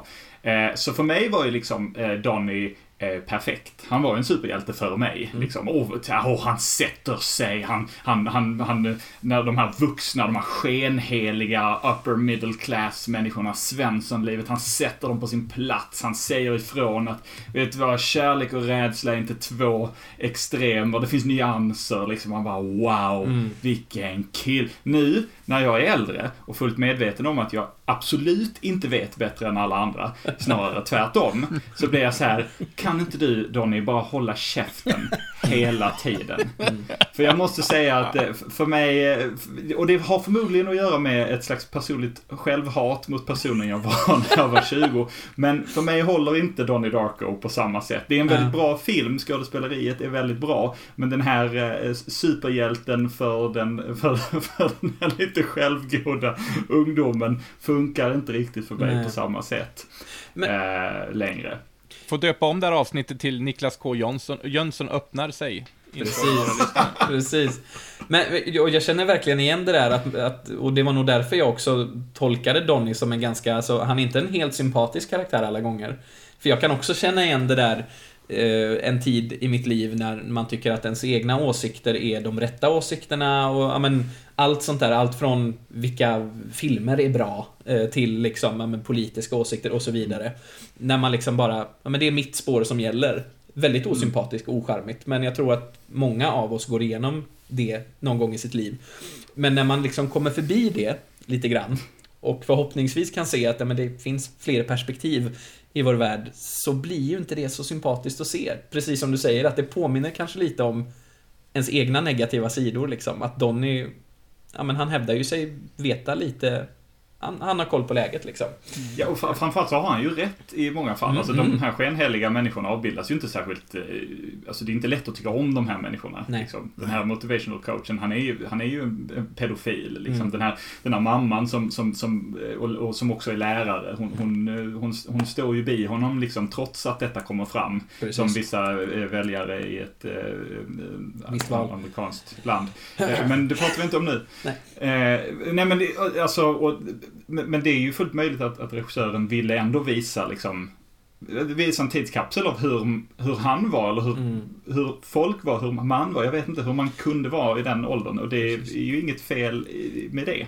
För- Ja, eh, eh, Ja. För, Henrik, om jag bara får, för att jag läste någonstans också om att eh, Richard här nu, som då har skrivit och regisserat filmen, frågade ju varför den inte utspelar sig på 2000-talet, utan utspelar sig på 80-talet. Mm. Och då har han ju sagt att, nej men jag vet inte hur det var tonåring på 20-talet, Nej, utan, men jag vet hur det var att vara tonåring på 80-talet. precis. För Där visst den. var han väl ganska ung när han gjorde den Han var filmen? 24 år. Ja. Mm. Så han var Ja, väldigt visst. ung. Men, men ung? Eh, jag, måste slå ett extra slag då för hon Beth Grant som spelar Kitty Farmer. Jag tycker hon är fantastiskt bra. Mm. Och faktiskt morsan. nu ska vi se. Donnys mamma, eller? Ja, ehm, Ja. även pappan är bra. Eh, Ja, ja. Mary McDonnell som ju är... Ja. Hon, hon är ju presidenten i... i vad heter den här? Independence Day. Ja. Ja, är det Independence Day också? Nej, jag tänkte Ja, på TV tv-serien med Battlestar Galactica tänkte jag på. ja, just det, precis. Jaha. Men hon är med i Det- Independence Day också. Ja, det för hon är väl, hon är väl frun till uh, Pullman som då är president. Ja. Ja, jag för mig det. Men hon är bra. Ja. Som, som sagt, jag såg den två gånger efter varandra då. Mm. Och jäklar vad hon har mycket för sig i bakgrunden alltså. Och Ja. Mycket små nyanser. Väl, Väldigt bra alltså. Jag Är det skrev... hon som läser It i början? Ja. Det är en kort sekvens där någon läser It. Mm. Jag, jag skrev också en anteckning om henne faktiskt, att, att det är något visst med, med Mary McDonnell i den här rollen. Ehm, mamman Rose Darko. Mm. Eh, alltså, precis som du säger, det är mycket med henne och det är någonting med hennes blickar. Jag, ja. min finns- lilla det- konspiratoriska sida får ju någon, jag får någon så här känsla av att antingen så är hon livrädd för sin son, eller så har hon koll på vad det är som händer och är inblandad på något sätt. Alltså du vet, ja, nej det är så bra. Och jag tycker det är så mystiskt. fint. Det är ju när de har det här PTA-meetinget när hon, Kitty Farmer, eh, Ja. klankar ner på den där boken. Då ser man Pappan, han, han, man ser att han nickar. Ja, jag kan Mm. hålla med om det här. Och, och morsan bara, nej, idiot. Det var det dummaste jag hört. Fantastiskt att se det i ett, Mm. mm. ett par, parrelation så. Väldigt härligt. Det är ju, Du, ja, förlåt, du körde. Ja, men jag tänkte bara säga att det, det är roligt eh, att... eh, För Drew Barrymore är ju med i den här filmen i en... Ja, men en biroll. eh, Som eh, den här yngre läraren ju.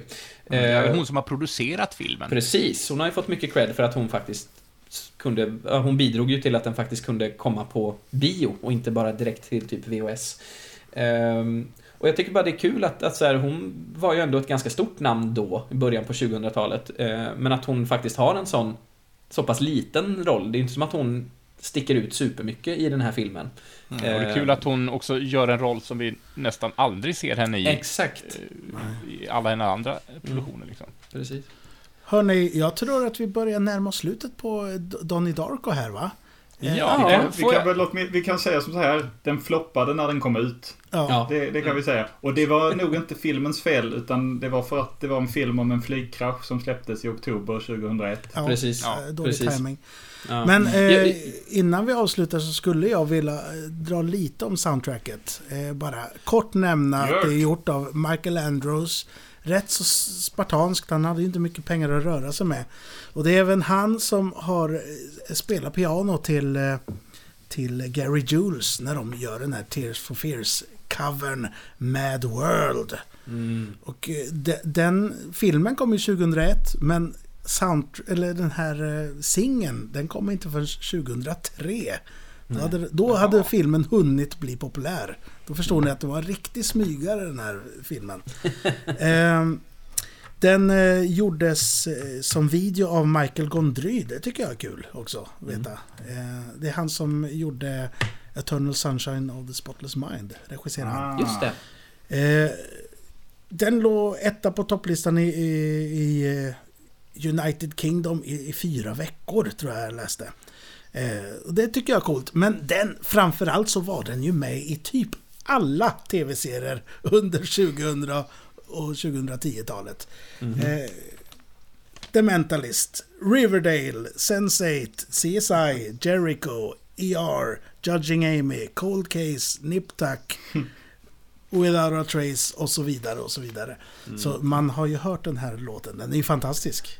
Eh, Verkligen. Så pre- precis som Donnie Darko-affischen var i alla människors rum under Ja. en period. Så var den låten i alla tv-serier. Mm. Mm. Som jag trodde länge var R.E.M. För han låter lite som R.E.M. där faktiskt. Eh, Gary Ja. Jules. Ja, Ja, Jens. Mm. Ja, men då så. Eh, Jag tänkte bara avsluta med... Alltså, jag är ju en sucker för helt onödiga kunskaper och eh, jag har ju valt ut några små notiser från IMDBs eh, trivia track. Jag tänkte bara, och jag har inte källkollat detta såklart, och ni får ta det med en nypa salt. Men, eh, men det har i alla fall ryktats att på filmpremiärsfesten till Donnie Darko, så både Seth Rogen och Jake Gyllenhaal ska tydligen ha sagt att nej, jag fattar inte vad den här filmen handlar om. Nej. Eh, så, det är spännande. Det är en fin tröst till, till alla tittare också, eller fans av filmen som inte heller förstår. Ja, precis. Eh, och eh, Jake Gyllenhaal har berättat också att en strategi från hans sida för att framstå som lite psykotisk var att blinka så lite som möjligt i alla scener han är med i. Eh, och eh, sen hittade jag lite grann om, eller jag hittade också att Patrick Swayze bär, alla kläder han har på sig är, hans privata kläder från hans 80-talsgarderob, tydligen, om man ska tro ryktet. Eh, och vissa som var tilltänkta i rollerna, Vince Vaughn var tillfrågad att spela Donnie Darko, Åh, men han var vid tillfället 30 år och tackade själv nej för att han kände sig lite för gammal. Ja. eh, Jens, Jens, jag lyssnade på, eh, på eh, sån här kommentatorspåret i filmen. Och eh, där Ja. nämner de det. Och jag tror det är därifrån den här informationen kommer. Och det är väldigt tydligt att de håller på och bullshittar. Är det så? Ja. Ja, ja som sagt, ja, jag vet inte om det här är sant. Jag bara... De, de nämnde så himla många skådisar då. Bara, ja, nu får du sluta, säger Jake Gyll- Gyllenhaal. Det är inte roligt längre. Eh, näm, näm, jag har inte hört Directors eh, commentary, men nämnde de också att Mark Wahlberg var intresserad av rollen, men han fick den inte för att han envisades om att hans karaktär skulle då läspa. Eh, Tydligen. Ja, Eh, och Jason Schwartzman var också tilltänkt, men han var bunden till ett annat projekt just då vid tillfället. mm, det tror jag däremot är sant. Men, Tim vem vet? Robinson var tilltänkt som pappan, läste jag någonstans. Och lilla systern där skulle ha spelats av Mara Wilson, hon som blev känd för att ha spelat Matilda, Roald Dahls Matilda. Just det. annat. Hennes eh, Instagram, eller vad säger jag, Twitterkonto måste ni följa. Hon är väldigt rolig. Mm. Mar- Mara, Mara Wilson. Wilson. Mm. Ja, ja. Härligt tips. Var det allt för Donnie Darko kanske? Tror vi. Ja, är det någon som har något mer att tillägga till detta fascinerande ämne? nej. Eh, Jag har Amanda. Rodriguez hon får, hon får säga om hon blev upplyst eller inte sen. Ja, precis. Men jag kan ju också nämna det att låt inte våra inlägg på Facebook eller de konversationer som är igång dö ut nu, utan låt dem leva. Om Mm. ni lyssnar på det här i efterhand, så gå in och gör er röst hörd. Och det behöver inte vara faktabaserat, det kan vara era upplevelser eller era fria tankar, utan huvudsaken att det blir en, en härlig konversation på alla ämnena som vi kommer att ta upp i den här podden. Just det. Och vad ska vi då prata om i nästa avsnitt? Ja, men då ska vi ge oss på ett väldigt, väldigt brett ämne. Eh, vi ska prata lite om H.P. Lovecraft. Är det en verkligen brett? Det Ja. vet inte jag. Men, Det, eh, det, är, bre, det är bredsmalt, som allt jag gillar. Ja. ja. Eh, Men jag tänker att det är brett med tanke på att han ändå har eh, gett oss en hel del eh, noveller. Jag vet inte romaner, men, eller mer noveller. Jag frågar Niklas. Främst, du, främst noveller. ja, Fr- Där, där är romanliknande, men främst noveller. ja. Eh, Men hans universum som han har skapat har ju gett väldigt breda aspekter. Det finns ju allt från spel och filmer och serietidningar och allt vad det nu kan vara. Och i kontrast till vårt andra ämne så ska vi prata om en, en specifik skiva av Bruce Springsteen, Born to Run. Ja, det blir få bli roligt. ditt, eh, Det ska få bli ditt ämne lite grann, Moe. Ja, det, Så du får ta täten på så, det. så om man har eh, lite tankar och kärlek och hat att skicka in till eh, angående Born to Run, eh, lyssna in plattan i vilket fall. Eh, lägg den på lyssningslistan, för det tycker jag är värt så förstår ni vilka låtar vi kommer prata om sen. Eh, Absolut. Ja, så Born to Run kommer vi snacka om och sen såklart Jönssonligan, scen 3, 6, 10 till 9, 17, Stöten. Oh, där ska vi dissekera så det stänker blod, höll jag på att säga, men Kanske Talk. billigt. Ja, och talk och Sämst sämst skinn. skinn. eh, och gå gärna in på Facebook-sida, tyck till, kom med era, som jag sa, kom med era egna synpunkter, upplevelser eller bara fria tankar och bombardera oss med möjliga ämnen som vi förhoppningsvis kommer att kunna ta upp i kommande avsnitt. Samma på vår Instagram, avbockat underline podcasten. Precis. Eh, och i så fall så tackar jag så mycket för att vi fick ta upp er tid denna gång. Hoppas ni haft en trevlig lyssning och sen är vi tillbaks om två veckor igen då. Ja, Tack för mig, adjö på er! simma lugnt. Hej då! Hej, Tjena hej! boss!